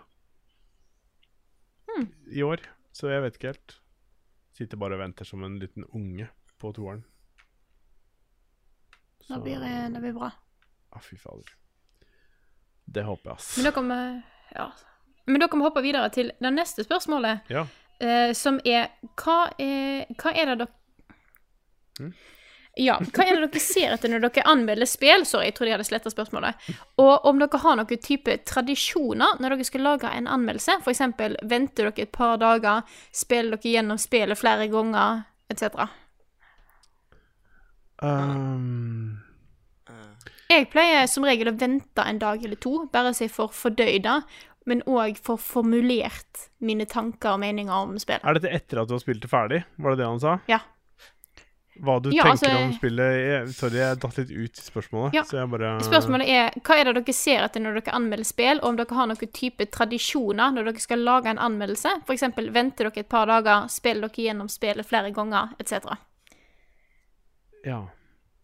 Ja, Det er litt sånn som det du snakka om. Å vente Ja. et par dager etterpå. Det skal veldig mye til for at jeg spiller gjennom spillet en gang til når jeg anmelder det. Det skal litt til. Um, Det spørs hvor langt spillet er. Ja, selvfølgelig. Men så allikevel så er det litt sånn at um, jeg liker veldig godt at anmeldelsen også er farget av at jeg har spilt det én gang. Med mindre det er på en måte et, nærmest et krav at jeg må spille det to ganger. Fordi at det er en viktig del av opplevelsen av spillet, f.eks. Mm. Jeg mener jo at hvis du har spilt uh, Hvis du hadde Infamous, f.eks., så er det viktig å få med seg, um, syns jeg, da, både den gode og onde sida av det å være han fyren. Og det er nesten to playthroughs å få til det. det, det er jeg enig i. Ja, så det, det er, Hvis det er sånne ting, så ville det hatt noe å si. Men jeg spiller ikke to ganger. Spiller det én gang, og så lar jeg den opplevelsen som er der, farge det som det jeg har med det spillet. For Hvis ikke så hadde det blitt som at hvis jeg hadde spilt det mange mange ganger og blitt veldig glad i det her, så hadde det til slutt blitt at jeg på en måte basically bare kom med Ja, da, blir, da får man et annet forhold til det, føler jeg, da, Mm. enn hva man får etter å ha spilt det en gang. Nei, det var eh, Ja. Jeg husker det spillet jeg måtte spille på nytt igjen, var Firewatch. For der var det at jeg, jeg ja, spilte Gud. Jeg husker at jeg, jeg var bare Jeg elska det spillet helt til jeg kom til slutten, og da Jeg visste ikke hva jeg syntes om det. Og da var jeg nødt til å spille gjennom alt på nytt igjen for å se om de hadde hinta til det som skulle skje videre i historien, og da Da fikk jeg litt mer helhet i det. Ja. Mm. ja, det er jeg helt enig i. Det spillet trengte å mm, spilles to ganger. Jeg vet det var et spill jeg spilte to ganger i fjor. Før jeg skal anmelde det, for jeg følte det var nødvendig. Mm. Men jeg husker faktisk ikke hva slags det var. Nei. Og da er det litt interessant. Men det er liksom av og til så føler du at nå må jeg, jeg må gje- gjennom det en gang til, fordi at da kan du kanskje se en del sånne frampeik og litt sånne ting, da. Mm. Som har med storyen å gjøre. Eh, for eksempel så er Night in the Woods veldig interessant når du se, spiller på nytt igjen, for da kan du se en del sånne hint eh, til det som skjer mot slutten av spillet eh, tidligere. Og da, da, da er litt kult når du får med deg sånne ting. Eh, men eh, som regel bare én gang. Ja, altså Hvis jeg ikke hadde spilt uh, Ni Automata flere ganger heller, da hadde jo Det hadde vært katastrofalt. Fordi det er Ja. sånn, du, du Ja. spiller gjennom det én gang, og da får du en melding om 'Tusen takk for at du spilte spillet vårt. Det var utrolig hyggelig.' Men vi anbefaler at du spiller en gang til, ass, for å få med deg alt og få nytt, Ja. ja. den ordentlige opplevelsen. Bare, Jeg kan sikkert spille gjennom det en gang til. Ja. Tre-fire ganger senere, så, så er det ferdig. Ja. Det er jo Det er veldig kult. eh, det, det er liksom noen spill som på en måte trenger at du spiller det flere ganger, selvfølgelig, som vi sa. Og det er um, det, Ja. Da er det greit å gjøre det. Men eh, på spill som blir for lange, eh, Ja, så 40 går det ikke an. 50, Hvis folk 60 tror at jeg- så- Ja, hvis folk tror at jeg skal sette meg der og spille gjennom Xenoblade Chronicles 2 to ganger før anmeldelsen kom ut, så kom ikke den anmeldelsen ut. Det er vel litt sånn, Jeg tror ingen som hadde forventet altså, hadde liksom sett for seg at Carl skulle spille gjennom Persona 5 to ganger, siden spillet er vel sånn 150 timer langt. Mm. Det er grense må en En grense må en ha liksom der. Ja. Re. Hvis det er sånn fire-fem, så kan jeg gjøre det. Mm. Mm. Ja. Ja. Men Skal det var jo ganske ta greit svar, det. Ja, da syns jeg. Uh, vi kan gå videre til neste spørsmål. uh, som kommer fra Sondre Kjøntveit. Mm. Som skriver Hvis dere hadde bytta kjønn for et helt år, hva hadde dere gjort i løpet av året? For meg så hadde Altså, det er jo ikke noe sånn Du må jo begynne å ta på ting. Ja. Det er jo en eh, Priority. Ja, jeg beklager, ja, altså, men det går fort i over i liksom en ting eh, som på en måte Du må teste drøyt. ut litt ting. Jeg ville testa ut Ja. ganske mye, og jeg tror jeg Ja, Lars? Jeg, jeg tror uh, jeg, jeg hadde ikke vært uh, dydig, for å si det sånn.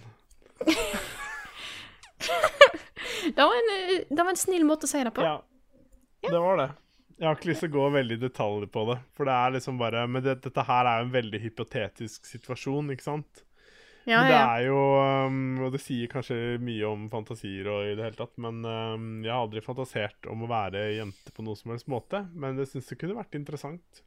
Og hvis jeg hadde vært det i et, um, i et år, så um, tror jeg først og fremst at jeg hadde Jeg hadde jo lært veldig mye om um, Om hvordan det er å være det andre kjønnet.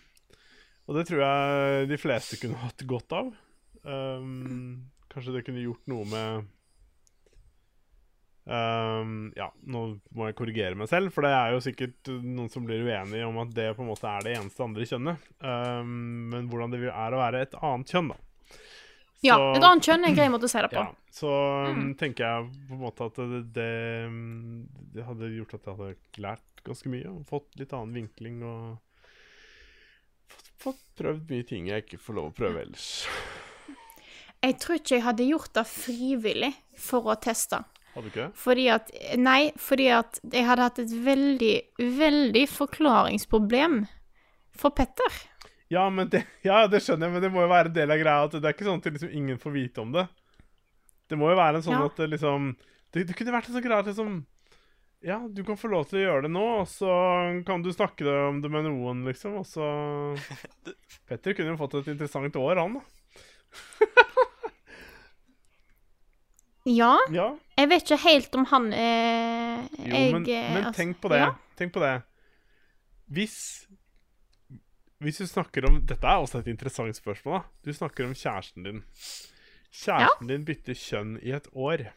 Det er fortsatt kjæresten din. Du har de samme følelsene, dere har de samme connection. Det er den samme personen. Du vil fortsatt oppleve den personen som den personen som er i dag, bare at personen har et annet kjønn.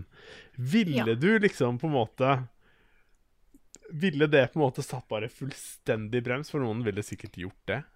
Men Altså for meg eh, Altså tingen er at jeg tenker hvis du skifter kjønn eksempel Mm. hvis jeg skifter kjønn til mann Så tenker jeg at det fysiologiske òg endres Og hvis jeg ser for meg nå at eh, Hvis det hadde skjedd med Petter da Mm. At Petter hadde skiftet kjønn til eh, kvinner mm. Så vil jo ikke det være eh, en kropp som jeg er seksuelt tiltrukken av Nei, men er det bare kroppen du blir tiltrukket av? Nå skal jeg bare, for, Nei. til å at jeg sier dette, for, det, for meg så er det veldig sånn at hvis jeg ikke har den, den connection den, den øhm, psykologiske eller den følelsesmessige connection, så vil ikke jeg connecte med personen uansett. Nei, det er helt sant Uh, og hvis, allerede, hvis den connection allerede er der, og den er liksom på en måte en sterk ting som gjør at du faktisk er glad i den andre personen Det er jo ikke bare kropp, det er kanskje noen da som har gått bare etter kropp. Jeg vet ikke, men du skjønner hva jeg mener nå? Ja, altså, Mm. noen, nå må ikke folk tro at jeg kun er veldig overfladisk og kun opptatt av liksom Å jo da, Frida. kropp. Ja, ja. Nå kom vi inn på veldig dype ting her. Ja, vi det. eh, Det men, ja, men altså, tingen er at eh, sant, det er jo selvfølgelig jeg eh, Er personlighet en superviktig ting? Eh, det å kunne snakke med en person og ha en sånn tilknytning er jo for meg en av de viktigste tingene i et sånn type forhold. Mm. Men den eh, fysiske tiltrekningen er jo òg viktig. Det er en del av pakka. Ja, men du tror ikke Så du, du tenker for din del at det ville ikke ha funka i det hele tatt? Det er det du sier, sånn? Altså, jeg vet ikke. Det er, dette er heldigvis en veldig hypotetisk situasjon. Ja, ja. Men jeg tenker liksom. Kunne du adapta til situasjonen? Det er det jeg på en måte liksom tenker Bare se for deg liksom på en måte at det er, det er fortsatt personen du er glad i, fortsatt personen du elsker. Og du vil ha den samme følelsen for personen, selv om den personen har bytta kjønn. Og så veit du at det bare er for et år i tillegg. Ja, Kanskje ja, det kunne da gitt jeg noen kanskje nye ja. opplevelser i veldig mange for, forskjellig grad. Jeg syns det var ganske interessant eh, Man veit ikke før man er der. der. hvis Liksom. du hører på dette her, du trenger ikke å skifte kjønn. Hvis du vil, så kan du få lov. Men jeg er fornøyd med å ha deg sånn som du er. Og så er vi ferdig Ja. Jo, men det er også en ting, da. Hvis, hvis, hvis han Fordi hvis, hvis Nå snakker jeg ikke om til deg, men hvis, andre, hvis den andre personen liksom faktisk vil bytte kjønn på et eller annet vis, Ja. hadde du liksom akseptert det? Nei, det her blir veldig dypt nå. Jeg kjenner Skal vi gå videre sånn- på neste spørsmål? Mens, eh, mens jeg hadde bare solgt kroppen min til science og bare prøvd Ja. å finne ut av åssen åssen det her skjedde i første omgang. Og så hadde jeg prøvd å lage et produkt av det og solgt det videre. Så hadde jeg tjent du, på det. og du tror du hadde liksom fått solgt det som et produkt? Holy crap. Ja, du, det er jo genialt, da. Ja. Fordi det er en veldig, sånn sett en veldig enkel måte for de som ikke føler seg komfortable i sin egen kropp, å bare skifte istedenfor å gå gjennom veldig mye eh, store operasjoner og hormonbehandlinger. Ja. Ja, det er litt sånn der Harry Potter-stil på det, tenker du? Um, at du Ja. bare liksom Hei, nå er du på en måte Ja, en annen Ja. Making the world a better place. Jeg tror vi går videre til neste spørsmål her, jeg, folkens, for nå begynte det å bli veldig eh, eh, nå, nå begynte vi å snakke veldig mye om dette her. Jeg syns det blir Eh, interessant, da, men jeg, det er jo fort Ja, et tema som på en måte folk er litt tungt og vanskelig. Jeg skjønner det. Jeg er helt enig i at at det er et veldig interessant tema. Vi har bare, jeg har flere spørsmål på lista som vi må komme igjennom. Og podkasten begynner å bli litt lang allerede. Ja. Det var mer sånn ment. Helt i orden. Så da Sorry, men ja. Nei, det går Eh, fint. ja. på. Ja. Jeg må bare finne, for nå har jeg selvfølgelig uh, Ja, jeg har et spørsmål her fra Gaute, som skriver Det virker som deling, eh, deler av gaming-communityet velger å se på eksklusiver fra Microsoft som en dårlig ting, men fra Sony som noe helt naturlig. Hvis en først skal operere med eksklusive titler, burde jo dette være greit for alle parter. Det beste hadde jo selvfølgelig vært om alle gamere kunne spille de spillene de sjøl ønsker, på den konsollen slash PC-en de sjøl foretrekker. Men når ting nå er som de er, hvorfor denne ubalansen? Jeg skjønte ikke jeg spørsmålet. Er det en ting? At folk er negative til eh, Microsoft eller Xbox sine? Nei, det er første gang jeg hører om det. Ja, fordi Nei, altså, eh. det, det jeg skjønner hvis han tenker på litt det vi sier med at liksom, vi teller hvor mange ganger Microsoft sier eksklusiv og sånn. Men det er jo ikke det vi Det er jo ikke at vi mobber eller syns det er dårlig at de er eksklusiv. Det er jo mer at de gjør et veldig stort poeng ut av noe som er veldig litt sånn Ja. Ja. Aldri opplevd at tenker- PS eller PlayStation har gjort det samme, eller? Har vi det? Nei. Ikke i samme grad. Nei. Men jeg tenker da at kanskje noen at jeg, Hvis du ser på salgstall, da, så fins det jo flere PlayStation 4-konsoller rundt omkring i eh, folks heimer enn Xbox One. Så hvis noen har et spill de har sinnssykt lyst til å spille, og så kommer det kun på Xbox, så blir folk litt sånn Åh, må jeg virkelig kjøpe meg en ny konsoll for å spille dette her? Men hvis det kun kommer ut på PlayStation, så har de fleste konsollen fra før av. De, altså Nå snakker jeg om konsollgamere, da. Ja. Eh, og sånne ting, da. Det er klart. Jeg- altså, hvis, du, ja. liksom, hvis du føler at ø, Det er jo sånn som med meg at ø, Jeg har lyst til å spille Zelda, men jeg må kjøpe meg en dyr konsoll i tillegg. Det er ikke som jeg egentlig ikke har råd til. Og det er det, selvfølgelig, det er en terskel, det, altså. Men jeg har ingenting imot eksklusive titler. Uh, for jeg tror det har gjort veldig mye bra for spill at det finnes eksklusive titler. Um, og så tenker jeg eh, tenker jeg også det at det finnes eh, finnes bra, veldig bra franchises på Xbox også som har gjort det bra. Halo, for eksempel. Uh, Gears of War, Mm. uh, for å nevne noe. Og jeg Jeg personlig er jo mer fan av de fantastiske fortellingene som blir fortalt i noen av eksklusivene som blir gitt til PlayStation. Men det betyr jo ikke at de spillene til Xbox er dårlige, eller at jeg misliker de på noen Eller at jeg på en måte er negativ til dem.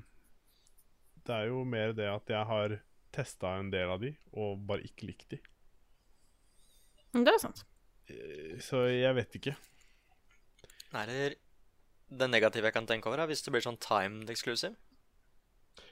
Det Ja, det er er teit. Fordi da Ja. er det snakk om spill som kommer til begge konsollene, og så er det sånn Å ja, men du har ikke PlayStation! Da må du vente en måned, så skal du få lov å kjøpe det.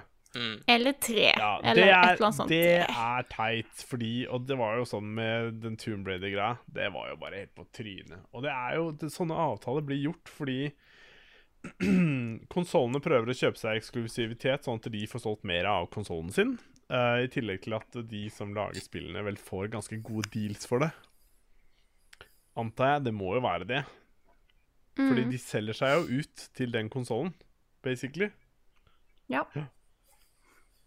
Så det er eh, lite fan av det, altså. rett og slett. Det skjønner jeg. Mm. Mm. Skal vi hoppe videre til neste spørsmål her? Ja. Vi har fått et spørsmål fra Georg Oskar Andersen, Mm. som har et, eh, et slags eh, spørsmål, en litt tilbakemelding, til Nick. Å, Som skriver Jeg har nå silt gjennom hele Near Automata, og herregud, for et spill. Jeg tenkte jeg skulle prøve det ut etter å ha sett anmeldelsen av spillet. Eh, må bare si tusen takk for at du gjorde meg interessert i det. Og kommer du til å lage noen flere innslag eller videoer om det?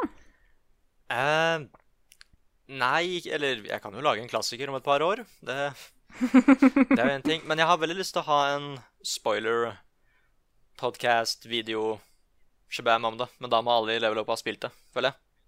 Jeg har lyst til å ha med alle på det. Ja. Fordi det, det stiller så store spørsmål, ikke sant? Og det er så mye rart i det spillet som jeg vil uh, snakke med dere om. Jeg har lyst til å spille det. Jeg må få satt meg ned og spilt det. altså. Det, det står på lista etter Persona. Ah, Det, det, det er så verdt å spille, altså. Det er så bra.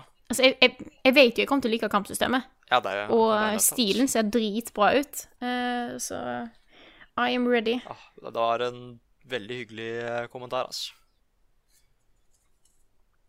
Er George eller Georg? Eh, det, jeg har eh, Jeg eh, har tatt vekk kommentaren. Jeg, jeg, jeg, jeg har ei liste, og så, trykker, så tar jeg vekk etter hvert. Sånn at liksom, så jeg, har, jeg vet ikke helt hvem det var nå. Det var dårlig gjort av meg. Det skulle jeg ikke gjort. Nei, men de som ikke har spilt Nier Automata, bør høre på den personen, i hvert fall. Ja. Vi kan ta neste spørsmål her. Eller vi har faktisk fått tre spørsmål av Mathias Kjølstad. Eh, vi kan begynne på det første. Hva fiender slash ting gleder dere dere mest til å ta over i Super Mario Odyssey? Uh, Toad? Jeg Toad, ja. Ja, Toad, ja. Mm. Huh. Jeg vil være en T-rex. Nei, det er Yoshi, det. Ja, er det sant? Jeg, jeg, jeg, eh, jeg føler at vi har bare sett et knippe av alle disse her figurene og karakterene og tingene uh, som er i Odyssey. Så jeg gleder meg mest til å se liksom hva som er der. For jeg syns alle ser så festlige ut når de får på seg hatt og bart. Men, men kan du bli ting, som biler og sånn? Eller Eller bare levende Da ting? vet jeg ikke. Levende ting. Ja, fordi det, Da jeg det hadde vært kult. Hvis du kunne Mm. for eksempel blitt til en bil. Ja. Gameplay-messig er jeg ikke helt sikker på, men det hadde vært kult. Ja, det er helt sant. Eh, han spør òg eh, Er det fortsatt mulig at vi får se anmeldelse av Arms, Tekken 7 eller Injustice 2.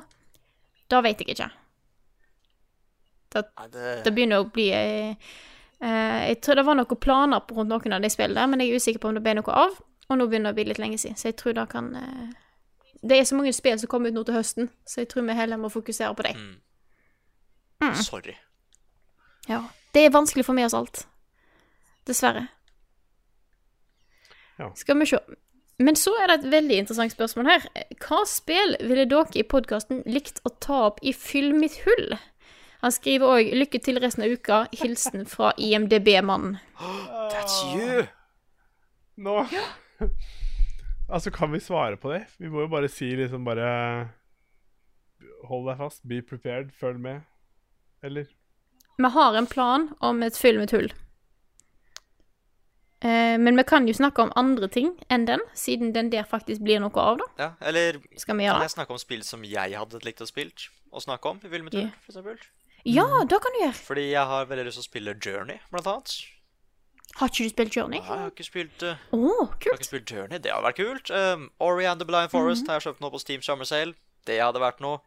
Ori and the Altså- Blind Forest har jeg heller ikke spilt. Jeg har det, eller har fått det. Det er liksom ting jeg burde Jeg, jeg sitter og liksom på en måte Jeg vurderte jo å starte på det forrige kvelden, men så skjedde det ting, og så fikk jeg litt tid.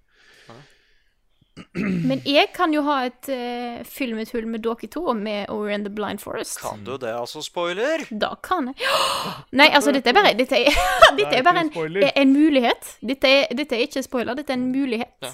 Nå Og spoiler du at det er en mulig spoiler som kan Å, herregud. Men Nå begynner vi å ta litt og, for langt her. og, det, siste, det siste spillet som jeg har fått spilt, er jo Undertale. Ja. Ja. Ja. Det er ikke helt spilt det ennå. Jeg har heller ikke spilt det. Hørt er OK. Har brukt musikken litt, så ja, Ja. det er Jeg har spilt uh, en del av det. Ja. Klarte aldri å Har du bli noe fascinert. Det var bare det som var så irriterende. Har du noe spill du har lyst til at du skulle ha spilt i eh, Filmetull, Lars? At du, no du føler det er noe hull som du burde ha?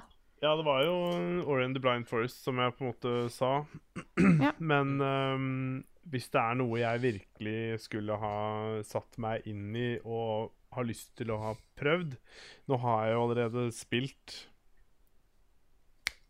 Kingdom Hearts. Eh, Zelda. Ja. Det eneste det- jeg har spilt bitte litt, da, er jo Zelda Ikke Breath of the Wild, men eh, den andre. Hva Twilight Princess, Nei, Wind Waker, Wind Waker. Ocarina Det er andre Time. som handla om vind. Ja, Wind Waker, men det er jo det Um, beste. Windbreaker, ja. Um, ja, for jeg har jo spilt det litt, og jeg sleit litt med å både prate med båten og gud veit ikke hva det var jeg gjorde. Men um, jeg uh, Grunnen til at jeg la ned det spillet, er jo kontrollsystemet. Uh, for det er det samme som eh, jeg spiller et annet spill nå, som vi kan ikke skal diskutere. Men det at ikke spill tillater inverted control, det syns jeg er for teit, ass. Fy. Det syns jeg er urettferdig mot alle de som gjør det. Og det er en ganske stor andel som spiller inverta, så det er en grunn til at alle spill har det. Tydeligvis ikke alle. Mm. Uff da. Nei, men det, det er det som gjorde det. Men jeg har veldig lyst til å klare å kjempe meg gjennom det allikevel, da. Men uh, ja. Ja. Hm. Det må liksom få en øh, Jeg må få en grunn til å gjøre det, Mm. Mm. rett og slett. For, ja, for meg så er det jo Jeg har et par hull. Uh, som er litt sånn både en sperre fordi at jeg får ikke spilt det fordi jeg blir kvalm. Mm. Eh, som for eksempel eh, Jeg syns det er litt dumt at jeg ikke har fått spilt Half-Life, for eksempel. Fordi at det er en så stor og viktig serie, på en måte. Ja, det har jeg ikke spilt heller. Ikke jeg heller. Eh, og så er det dumt at jeg ikke vi? klarer Ja. Vi er bare sommervikarene. Ja, ikke sant? Det var. Nei, og så eh, Ellers er liksom Jeg har jo fortsatt ikke blitt ferdig med Shadow of the Colossus, både fordi at jeg der òg sliter litt med at jeg blir kvalm. Så jeg vurderer å vente til PlayStation 4-releasen. Bare sånn at jeg eh, får spilt det ordentlig. Mm. Uh, ellers har ikke jeg spilt Majora's Mask, og jeg vet jeg sa ved en feil sist gang at jeg har spilt Ocarina of Time, for den har blitt uh, lagd en remake av på 3DS. Eh, Men at jeg ikke har spilt Majora's Mask fordi at den ikke er det. Men den er jo det, og det glemte jeg, så da vil jeg bare rette opp i at eh, jeg vil bare si takk for den som minte meg på at den fins som remake. Jeg har bare ikke satt meg ned og spilt det. Men ellers er det liksom eh, Near Automata Yes. eh, eh, Horizon Zero Dawn. Men jeg, jeg kommer liksom Jeg vet jeg har et par sånne store hull som er sånn Dette burde jeg ha spilt. Eh, og Majora's Mask vet jeg er en av de. Mm. Mm. Ja. Ja. Ser den. Det er litt av noen hull. Ja. Men eh, nå begynner jo podkasten å nærme seg litt slutten, men jeg tenkte at jeg skulle la dere ta av noen spørsmål hvis dere hadde funnet noen som dere syns var kule. Eh, Skal vi se her um, ja. Ja? Ehm, det var jo et spørsmål der som på en måte eh, Man trenger ikke også dypt inn på det, kanskje, hvis man ikke har gjort det. Men det var jo eh, Kim André Gjerde lurte på om noen gang har forsøkt et ulovlig rusmiddel. Og Oi. jeg husker jo at jeg har um, Jeg har jo Har du gjort noe ulovlig, Lars? Nei, det har jeg ikke. Men jeg har um, Jeg har um, drukket 9-6 en gang. Og det er vel ikke Ah. lovlig? Nei, da er det som narkotika. Ja. Jeg, har, eh, jeg har drukket det, men som utblanda. Ja. Jeg er jo kjemiker. Ja. Det er jo labsprit, dette her. Det er jo galskap. Altså, det er jo. Det, det tar jo livet av deg. Men for Jeg har ikke drukket det rent. Nei, nei Jeg har er ikke drukket det rent, for da er jeg sprøtt. Men, um, men det jeg gjorde en gang i tida, fordi at noen jeg kjenner, hadde kanskje 9-6 på en flaske, muligens. Uh, og jeg brukte det muligens til å behandle et munnsår.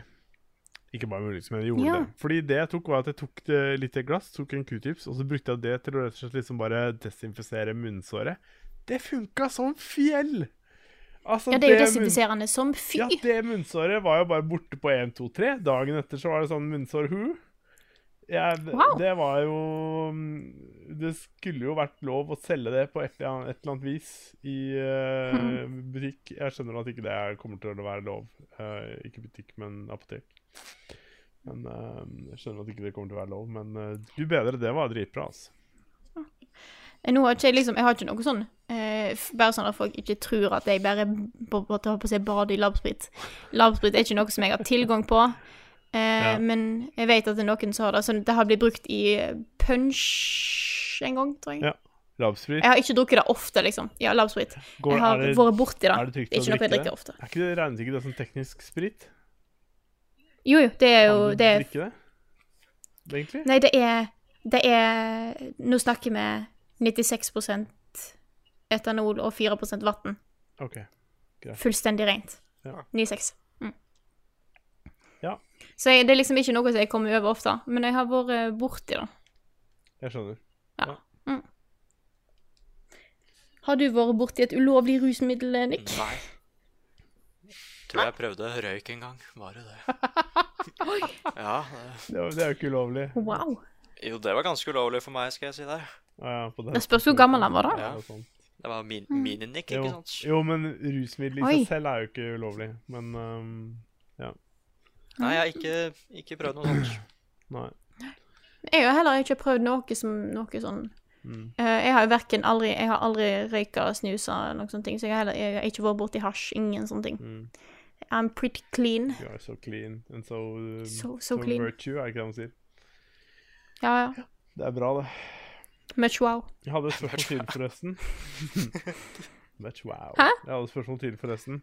For det var uh, Marius Bråten lurte på om jeg savna å være med i podkasten Fast. F fast, faktisk. Fast! Fast. Fast! So Eh, fast. og så- Gotta go fast. Gotta go Og så fast. spør han, og så spør han om det blir en gjesteopptreden snart. Uh, vi får se om det blir en gjesteopptreden. Jeg kan ikke love det. Um, Vi vil gjerne ha deg med, men eh, vi skjønner jo òg at du har jo mye jobb.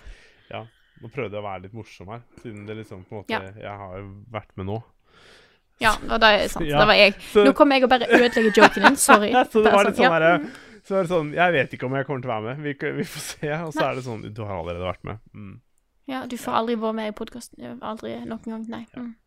Ja, men det er så. Hyggelig å være i, um, i, uh, i podkasten. Det um, uansett. Men det er sånn um, Det er jo en um, forpliktelse, på en måte, det også. Og det er jo um, Jeg kjenner at det er jo Selv om man har lyst til noe, så er det deilig å på en måte slippe litt den forpliktelsen noen ganger også. For rett og slett fordi at jeg har veldig mye annet som skjer, og det er veldig dumt å forplikte seg til noe man på en måte Som kan bli veldig vanskelig, da. Så, Ja, det skjønner jeg. så ja, men til spørsmålet om jeg savner, så selvfølgelig savner jeg. Det er jo veldig hyggelig å være og snakke med alle disse menneskene her. Så det er jo koselig de gangene jeg får lov til å mulighet til å være med på det igjen. Så mm. Men eh, det går helt fint.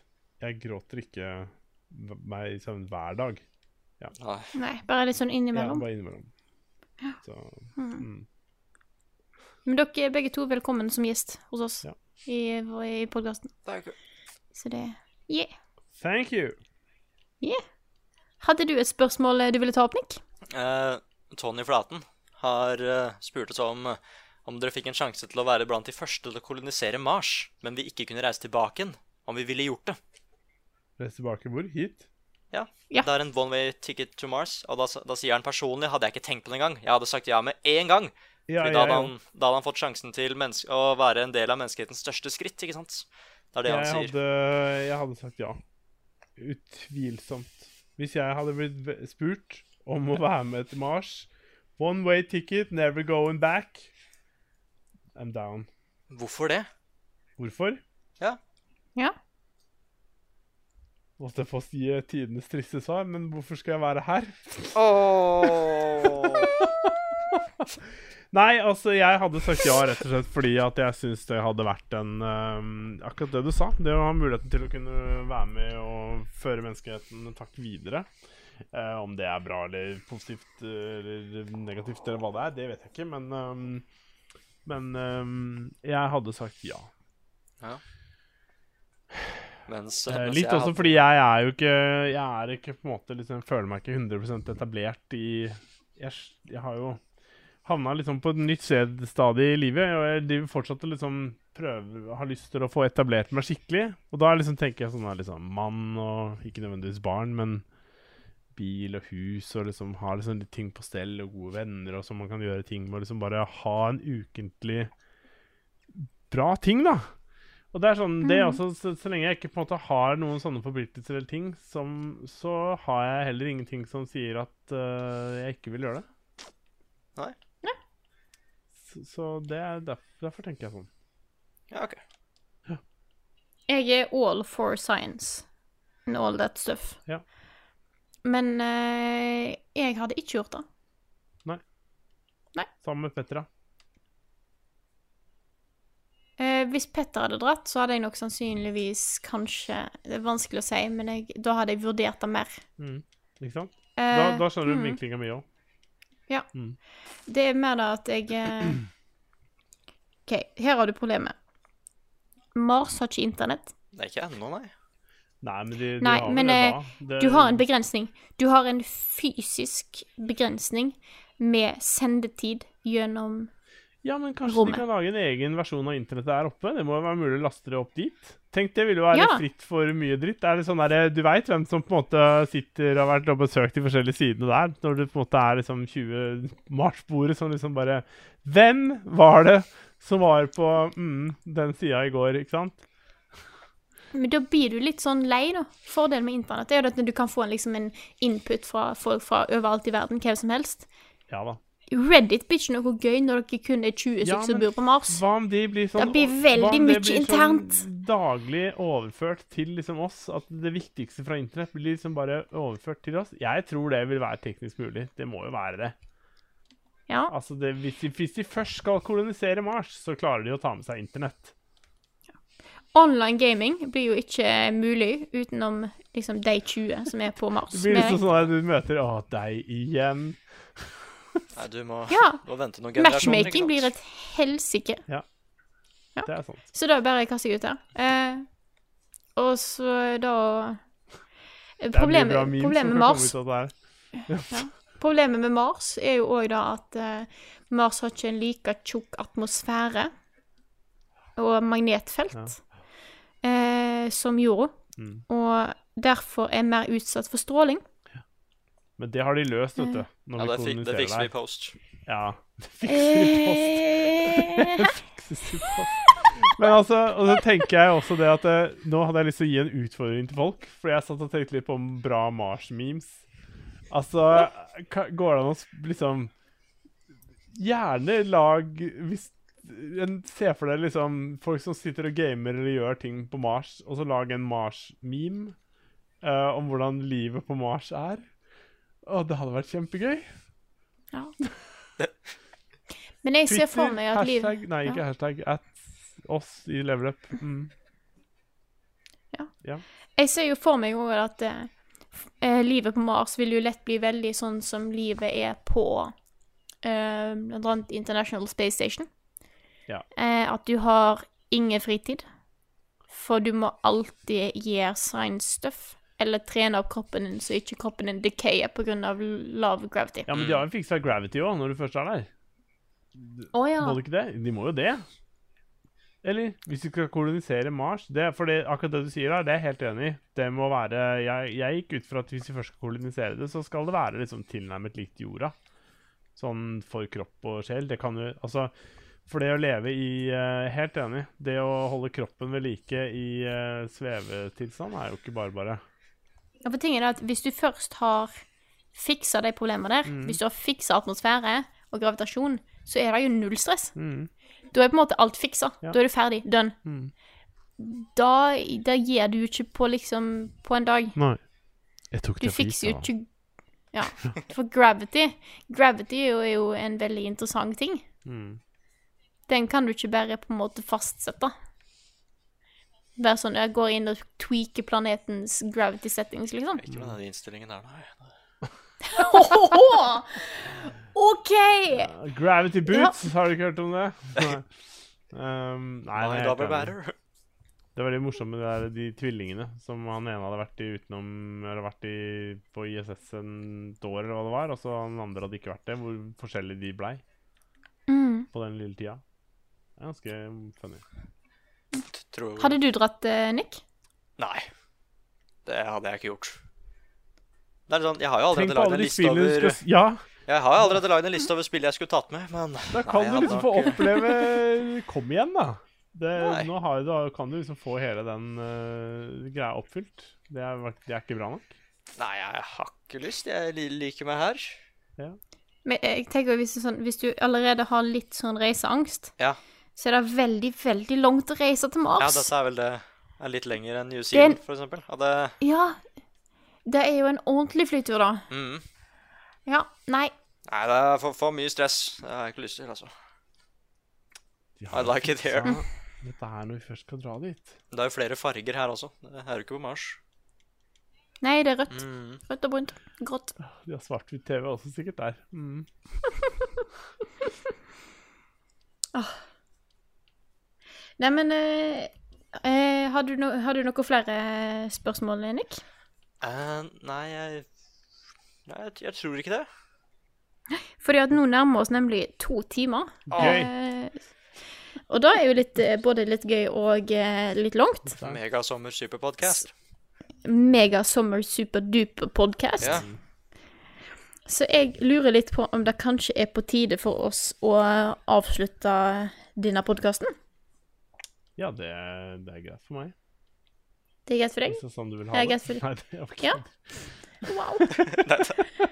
Jeg prøver å være flink Ja, det programleder er her, bra. og så Du bare får er jeg det. ikke lov. Det er bare vi, men du er til unger som liksom bare Ja, ja nei, jeg vil være ute lenger, jeg. Så kom og ta meg, da, hvis du kan. Mm. Kom og hent meg, da. Det var sånn vi var liksom med, med mamma og sånn når vi var små. Så var det sånn Nå må dere inn. Og vi bare Ja, du får komme og hente oss, da. Og da var det liksom det derre løpe som fy. Åh, det var jo mm, Douchebags, var vi. Men da vil jeg bare si superduper mega-tusen takk til alle dere som støtter oss på Patrion. Dere er fantastiske folk. Dere er gjerne mulig for oss å lage denne podkasten her, blant annet. Og hvis du som hører på, ikke støtter oss på Patrion, så det, hadde det vært veldig koselig om du har lyst til å gjøre det. Eh, og så må jeg selvfølgelig takke eh, dere to som hadde lyst til å være med på podkasten her med meg i dag, eh, nå midt på sommeren. Lars og Nick. Bare hyggelig. Det var kos. Jeg lurer på, Har du trademarka det, det uttrykket? Det, det hadde vært så kult hvis det kom bare sånn TM etter, liksom. Mm. Hva, hva uttrykk snakker du om liksom nå? Superduper superduper meg. megatakk til liksom Jeg bare også TM. Det har vært Jeg har ikke trademarka det, men kanskje jeg skulle gjort det. Ja, det synes jeg. Ja. Nei, men da tror jeg jeg sier takk for oss. Eh, takk for at eh, akkurat du hørte på denne episoden av Level Backup. Og så snakkes vi igjen i neste podkast.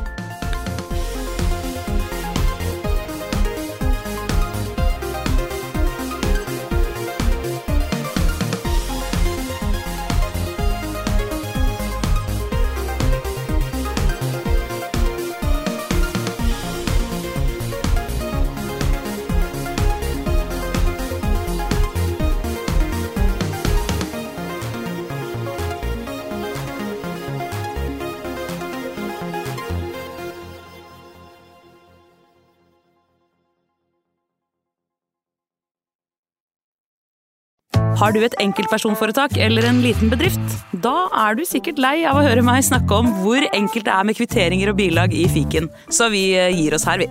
Fordi vi liker enkelt. Fiken superenkelt regnskap.